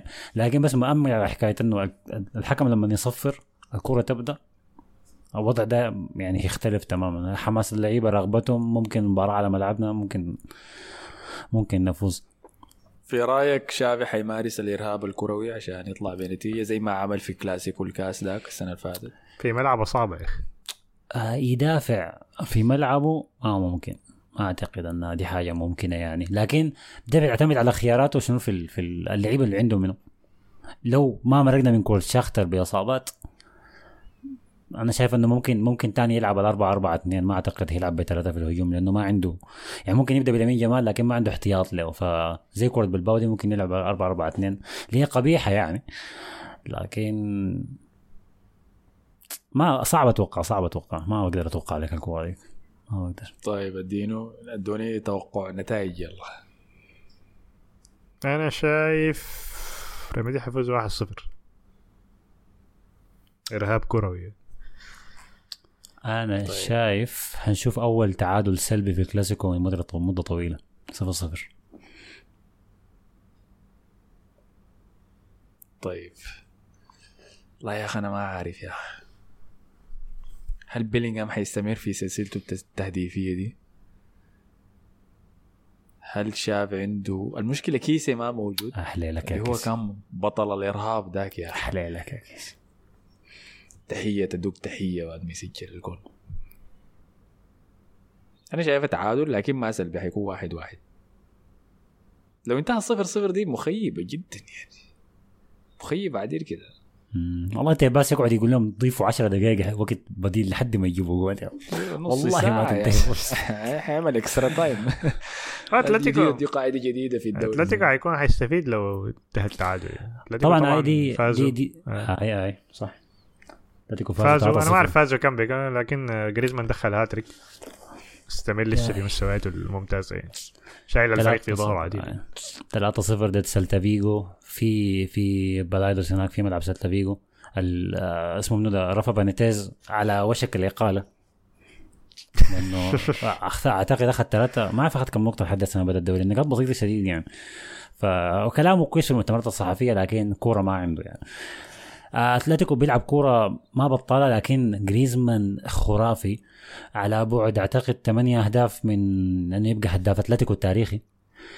آه ما يعني الناس ما بتتكلم عن جريزمان كثير ما بتتكلم عن مسيرة جريزمان بعد ما ساب برشلونة وجا راجع أنا بالنسبة لي واحد من أحسن اللعيبه في العالم. آه، من أكثر اللعيبه مساهمة في الأهداف في. في عام 2023 يعني في. آه، أكثر خمسة لعيبة في العالم في نفس القائمة فيها إمبابي وهالاند وميسي. وهو فيها يعني برضو لكن الناس متجاهلة لاعب بيلعب ثمانية بيلعب عشرة وأحيانا بيلعب تسعة برضو بيسوي كل شيء ممكن يسويه فلاعب كبير يعني لاعب كبير جد جد وممكن فعلا ياخذوا الصدارة يعني لو حصل تعادل الأسبوع الجاي هم جايين بالراحة كده بيحبوا بالراحة بالراحة في ال... آه، أنا الكلام ده قلته قبل كده لكن يونايتد ضيع فرصة كبيرة. كان لو كان أخذوا تعاقد مع جريزمان ضيع فرصة كبيرة شديد فيهم مشوا لماونت وخلوا جريزمان. أنا لسه زعلان إنه جريزمان لما ميسي طلع جريزمان برضه طلع رجع أتلتيكو. لو كان قاعد صدقني كان بقى هو اللاعب رقم واحد في الفريق. كان محتاج الحرية دي في في الفريق بتاع برشلونة. وهو لأنه أدواره بتشبه ميسي حسي ذاتها يعني. بيعمل كل شيء. حيفتح له الخيار ده. هاي لكن البيئة البيئة بتساعد بالمناسبة ما, ما تستخف بالحاجة. البيئة الإرهابية. الارهاب هاي. طيب في كمية تعليقات خارجيات فخلينا نمر عليهم سريع كده. آه، في محمد صديق قال رأيكم شنو في إيقاف تونالي ويتكلموا لنا شوية عن تاريخ المراهنات والإيقافات اللي تعرضوا لها اللعيبة بسبب المراهنات ده موضوع للناس الإيطاليين يا زلمه ما عندنا مراهنات في الدوريات آه، كاتش. هو طبعا ال- تونالي تونالي طوالي خدت الموضوع قال أنا عندي إدمان وأنا ما بقدر والحكاية دي صعبة علي فالناس تعاطفت معاه يعني ما وده ما ده, ده أنطونيو ده هو اللي دخلني في القمار ده والله. هو اللي فتح لك صاحبه آه، جدع في آه. طب. لكن هسه ليه يعمل كده. وهناك توني يا مان موقفين له تسعة شهور وده لسه لسه بيعمل. تحقيق. ولا لسه أيوه لسه تحقيق. أيوة ما في واحد تعاطف مع توني ليه يعني؟ هذاك برضه حسي في مباراة كريستال بالاس ضد نيوكاسل دي يا man رافعين لك صورة تونالي يا man تقول شهيد. لما كان قا- قاعد يحمي الجماهير دي كلها بتصفق ليه ومعليش احلي لك انت عندك مراهقه ولما توني طلعوه مذنب في القضية دي اضطر يطلع يعمل اعتذار وأنا آسف على تصرفاتي ولا هذا شنو ده؟ ولكن الحق يتقال إيفان توني لما طلع موضوع ال- المراهنات دي عليه يعني ال- التحقيق أخذ وقت طويل لحد ما وقفوا يعني ما ما وقفوا من اللعب طوالي كمل كان بيلعب عادي. آه بعدين توني صعبة جمهور بريدفورد يساندوه بيراهن ضدهم يعني. ما- يعني- يعني صح. بيكرههم يا مان ويطلع يطلع في فيديوهات يسيب ليه عشان بنات وبتاع. لكن في إيطاليا الموضوع قاعد يكبر يعني في كل يوم في اسم لاعب بيطلع انه عنده مشاكل في المراهنات فما تونالي براو تونالي براو. في اثنين من لعيبة يوفنتوس أعتقد. وفي برضو في كلام على باريلا لاعب وسط آه، انتر ميلان. قال برضو إنه يعني خش في المراهنات لدرجة إنه طلعت له جلحات يعني فالموضوع كعب شديد يعني. شعره. طيب آه، العملاق المؤسس عمار محمد قال بسم الله والتعليق على الموقع الجديد حلقة ممتازة يا شباب وإنترو ممتاز جدا يا حسن. تسلم يا أخي. آخذوا راحتكم في غياب ود الفاضل. غاب ابشنب ولعب ابضنب الأغنية شديدة والله يا حسن. تسلم ما يا- شديدة تسلم يا مصطفى تسلم يا أنا عشان عمار كده دي مشكلة والله. شديدة أنت جاد يا مصطفى؟ أنت اغنية Attack on Titans دي خلاص يعني خربت. يا سلام عليك يا أخي. قال سؤال هل خلاص جوارديولا بدأ في مسيرة النزول في المستوى نتيجة لنقص ال squad ولا لسه عنده الكثير ما زال في جعبته لا لا لسه. لسه. لا، لا، كده. والله يا أخي انت عارف أنا السيتي ده ما, ما عاجبني حاليا. ما هو دائما ما بيعجبنا لكن يجي شهري واحد بيدور حد 20 مباراة. يعني ده جاته بكرة مباراة الكلام مانشستر كمان. الأسبوع الجاي. يلا أقول لك شيء هالاند يعوض الثلاث. سنوات اللي فاتت ديك؟ أنا أديك حسي النبوءة الحارة. يونايتد حيفوز في المباراة دي. حسن أنت تعمل شنو يا مالك أنت يا زول؟ أنا هستنى التعليقات بس على النقطه دي. آه. يونايتد حيفوز في المباراة دي. ما لا لا. المباراة وين هي؟ في ملعب الاتحاد في ملعب الأولد ترافورد صح؟ في أولد ترافورد. لا لا السيتي حيفوز. السيتي حيفوز حيفوز ب score كمان. طيب. ثاني عندنا منير عبد الرحمن قال في خبر بيقول إنه رئيس نادي ويست هام بيحاول يقنع إيدن هازارد إنه يرجع من الاعتزال ويلعب في ويست هام. اعتزل ولعب كرة ودية مع فريق اعتزل خلاص. انتهى الموضوع. ما زول قال دايره كمان. ينتظر لحد نافذة الانتقالات تقفل وبعد ذاك اداه شهرين زيادة. قال خلاص. توني توني 249 قال البودكاست بمن حضر. يا سلام يا صحيح. صحيح. وشرطة أحمد الفاضل قال؟ شكله خاف من قلت له وببقى لك شرطة خاصة بك أنت بس. ده شرطة أحمد الفاضل واحد ده ولا واحد تاني؟ الأظن ده أنا ما كنا نعرف. شرطة ده- جديدة. ده ده عقيد ده. عقيد ده كان الملازم. ده رتبة على شكله. وأحمد عثمان قال حلقة نردم فيها صلاح أحسن من حلقة نردم فيها أحمد. بالعكس يا أخي قال لك حلقة نردم فيها أحمد أحسن من حلقة نردم فيها صلاح. أنا دائما كنت بعاني من أكبر من عندي في المدرسة ورمزي قال حلقة ناشفة بدون فعاليات أحمد شكرا لك يا رمزي. رمزي أيوه shout out لرمزي وكينج بوب لأنهم الاثنين نازحين في كسلة يا أخي مم. وقاعدين يرسلوا لي صور جميلة يعني للطبيعة هناك خاصة كينج بوب رسل لي صور سمحة فأتمنى إنهم مستمتعين هناك يعني. وإذا في ناس زيادة حسي موجودين في كسلة فرسلوا لي عشان أحاول ألمكم كلكم مع بعض كده man تمشوا جبنه ولا حاجة يعني فهمتني؟ تعملوا لكم فعالية لطيفة كده. نصيحتي لكم إنه تمشوا الجبل. ممكن بيكرهوا كسلا يا man. لا لا عجبان معي لو بتكرهوا كسلا بس مسح- لنا رمزي برضه مدحها كينج بوب مزحها مدحها برضه. تمشوا الجبل أعملوا رحلة ظريفة كده أمشوا الجبل يا man فهمتني أطلعوا توتيل اشربوا من البير. لما الدافور يعني. شربتوا منه أصلا. اكتشفوا مواضيع الشياطين. عندكم شياطين في كسلا أحمد أوعى ترسل. أوعى أوعى ترسل الناس دي حتى صندد عندي لكم مو... عندي لكم مهمة كان. طيب. أحمد ده آه، عامل زي اللي زي أفلام Mission Impossible يعني برسل لهم كده message كده عندي لك مهمة بعدين بتنفجر. دي لك ظريف آه، كو كو آر دي إي كو آر دي آي قال فاقدين خارجيات أحمد الفاضل. والله شكرا لك يا حبيب. وأكرم علاء الدين قال فقدنا خارجيات أحمد. شكرا لك يا أكرم. ابن عوف قال خارج النص دافوري المزدوج بلخبط المنتجات ويقلل الطبخ في الدافوري الإنجليزي. رجاء ما تدخلوا لنا دوري النواعم ده معاه. بالمناسبة أنا مشجع لبرشلونة. هذا ما مشجع لبرشلونة. انت ما نحن نرفضك يا man نرفضك عديل كده. دوري ده دوري الرجال برشلونة دوري الاسباني تعلينا تعلينا يا حبيبنا. عمر الشيخ قال كل حلقة بديكم سؤال شو- شو- عشوائي. من حيث الذكاء في الملعب فقط مين أفضل لاعب شفتوه في عشر السنين الأخيرة؟ بختار برناندو سيلفا من جانبي. تشافي ألونسو.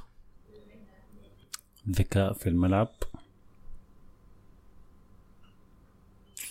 عارف ممكن أقول تشافي تشافي هرنانديز. كان بتلفت كثير يعني قبل ما يعمل أي pass. أنا بقول بيرلو. آه بيرلو هو خياري. آه عمر 89 قال بمناسبة التوقف الدولي رأيكم شنو في عدم تأهل النرويج لليورو؟ وهل الحاجة دي بتأثر في مستقبل هالاند لقدام هم مش يعني طلعوا ولسه باقي لهم فرصة إنهم يتأهلوا عن طريق دوري الأمم الأوروبية ولا المؤتمر ذاك الأوروبي. لكن هي مخيبة صراحة في موضوع حتى في اليورو ده بعد ما زادوا عدد ال- الأندية وبقينا نشوف ويلز واسكتلندا الشمالية والجنوبية والشرق والغرب وكلهم بيتأهلوا وبرضه أنتوا ما تتأهلوا يعني. حاجة مخيبة شديدة يعني. آه. مخيبة لهالاند ومخيبة لأوديجارد. يعني ويلز كان عندهم بيل بس بيل وآيرون رامزي. وهويلاند. وكانوا كفاية. هويلاند دنماركي طلع يا مصطفى. آه والله. آه. فديل الاثنين المفروض يكونوا كفاية يعني إنه ابنوا لهم واحد صانع لعب وواحد مهاجم سفاح. ثاني دايرين شنو؟ الدفاع بس قفلوا اول بس الثمانية الباقيين ده اللي يدافع مخيبه محمد المهدي قال قبل فترة صرحوا مورينيو وجوارديولا إنه بعد يخلصوا من الأندية دايرين يدرب منتخبات أمريكا الجنوبية. فرأيكم شنو في السوبر كلاسيكو؟ جوارديولا في الأرجنتين ومورينيو في البرازيل. عليك الله. مورينيو حيكون في الأرجنتين بالمناسبة. كرة الرجال هناك عنده دي باول والعباده دي مارتينيز اللي بينفع مع مورينيو أكثر من أعوذ بالله دي هاي ما عايز أشوفها خالص يا. مشكلة جوارديولا عاد. ذاته ما بينفع معاه عدم الالتزام بتاع البرازيليين ده آه، آه، آه. يعني أنا عشان كده ما بشوفها ابدا جوارديولا هناك أنشيلوتي حيكون قاعد أنا ما يعني. بشوف جوارديولا مستحيل يدرب منتخب أصلا يعني آه لأنه ما ما بتنفع مع حد ظاهر نقاط ضعفه إنه ما ما لقى له لاعب يعني. ينفع ينفع؟ ينفع معه ما معاه عنده منتخبات لاعب يقلبه يقلبه ظهير يا مان وسط ويلعب وسط الحركات الغريبة بيعملها دي اللي يمشي يجنس له واحد السافي ولا الصافي هو قال لي. السافي. اف سي بي قال للأسف إنكيتيا الموفوق من قبل أحمد الفاضل قرر يكسر حنقانه ويختار إنجلترا وحتى التوقف الفات ساوث جيت استدعاه للمنتخب. آه انت شغال كمان كذب كمان بتكذب عليه وبتديه بروباغندا ومش غانا ومش فرصة يا مان. والله ما فوت خبر يا مان ما صدق يعني هو زمان غانا كان حاولوا معاه إنه يخلوه يوقع. يوقع في الصيف في الصيف بتاع التعاقدات بتاعهم ده. اي اي آه، إنه ينضم لهم وهو مشى وزار غانا واستقبلوه استقبال جميل جدا يعني. فأنا ظنيت إنه نجحوا في المهمة. لكن عمل غلطة عمره حسي ولعب مع إنجلترا خلاص. وبتحس ساوث جيت. خيب ظني شديد حقيقة. طيب. تاني عندك عثمان جارز قال اول اولا مبروك الموقع الجديد مستمتع قديم لكم بس أول مرة أعلق مزيد من النجاح والتوفيق لكم. شكرا لك. شكرا لك. إيش هشام الأمين قال إنتم تجيبوا ربيع طه ده مرة في حلقات توقف الدولي أطلع ده ده منو؟ ده بودكاست شنو هو أصلا؟ طه في في بودكاست كورة عشان في التوقف الدولي. وقته بتلاقي ما عارف إن إحنا قاعد ناخد صوته في بداية الحلقة. بعدين معي يقول لنا ادوني هنا ده استعمال للصوت ادوني يدفعوا لي قروش وبتاع آه، وباولا تزعل بغادر أنا ما أقدر أفتح الباب ده. طيب تاني عندك. كريم الات قال الحلقة اللي فاتت حقت الدوري الدوري الإنجليزي ما تكلمتوا عن ليفربول كثير نحن عايزين كلام عنه برضه ما في أسوأ من مانشستر يونايتد. غطينا ليك. والله يا والله تكلمنا عن صلاح بس ما تكلمنا. ذات في- القمم الكبيرة بين بنديهم حقهم يعني. تاني حقيقة كان في واحد دافع عن انكيتيا يا أخي. شكلي نسيت أخذ تعليقه هنا للأسف. ده انت يا احمد الحلقة اللي فاتت دخلت سجلت في الساوند كلاود.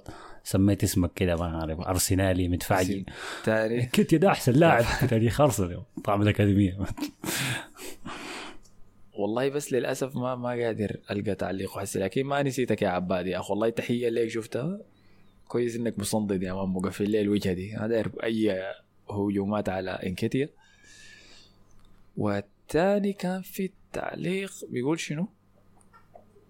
في لاعب سوداني اسمه محمد عيسى واظن بيلعب في فريق في ال Championship وعنده أخو برضه اسمه أبو بكر. ده اي ده مو عيسى بيلعب في ميلتون كيز ده أسامة سيلفا. قال هو يا حسن لو أحمد ما في أنا قاعد أي حاجة ولا إنكتي. وحلقة دسمه لكن حبيبي. وين نغمه وين النغمة وصوت باولا يا أخي؟ مستمتع منكم. خدتنا النغمة حبيبي أصلي. زوليا. يا ما خلاص يعني في الانكتي ده انكشف يعني هسه قاعد بس على الحافة يعني. مستني له كده زحلقة تاني وخلاص. آه، تاني شنو؟ آخر شيء محمد التوم قال في مشكلة في التعليقات في الموقع مرات ما بتترفع لكن الحمد لله اتحلت عندي. وضروري يجب إضافة خيار مسح التعليقات. بالنسبة للتعليقات الحد حاليا في الموقع إنك تكتب التعليق يكون فيه 180 حرف فأنا عارف أنتوا الحاجة دي ما ظاهرة لكم لكن حاضيف حاجة كده توريك يعني. زي التويتر زمان كانت التويتر كم؟ 140 حرف. آه يا مزمن جميل. فالحد 180 حرف. لكن خاصية إنك تقدر تحذف تعليقك دي حأضيفها في التحديث الجاي إن شاء الله. ما حنساها كتبتها يا توم. تمام؟ فخلاص كده تقريبا غطينا كل التعليقات. شكرا لأي زول أخذ الوقت وكتب تعليقه. أو شكرا لي يعني أنت لو قاعد تسمع لحد النقطة دي أنت من أصدقاء البرنامج الأصليين يعني فهمتني؟ فادونا كلمة السر نقول عليهم عشان يقولوا الناس اللي وصلوا هنا ده. أكتب إصابة نيمار.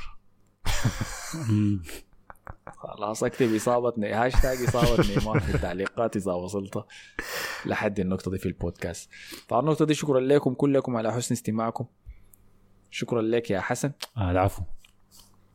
شكرا لك يا مصطفى. يديكم العافية. شكر غزير يعني لمصطفى لأنه كان مسافر ومن مكان للتاني لكن قدر يحصل الحلقة دي. قلت له إنه المودرش المودرش بتاعنا يا ما ما فوت أي دقيقة. 120 دقيقة السنة كلها. نشوفكم ما- في حلقة الأسبوع. الوضع خطير يعني. ممكن تغيب حلقة تلقى نص فريق قاعد في العنقريب يعني. موضوع شخصيات فعلى النقطة دي شكرا لكم. نشوفكم في حلقة الأسبوع الجاي. السلام عليكم. أسمع بودكاست دافوري على ساوند كلاود يا ناس.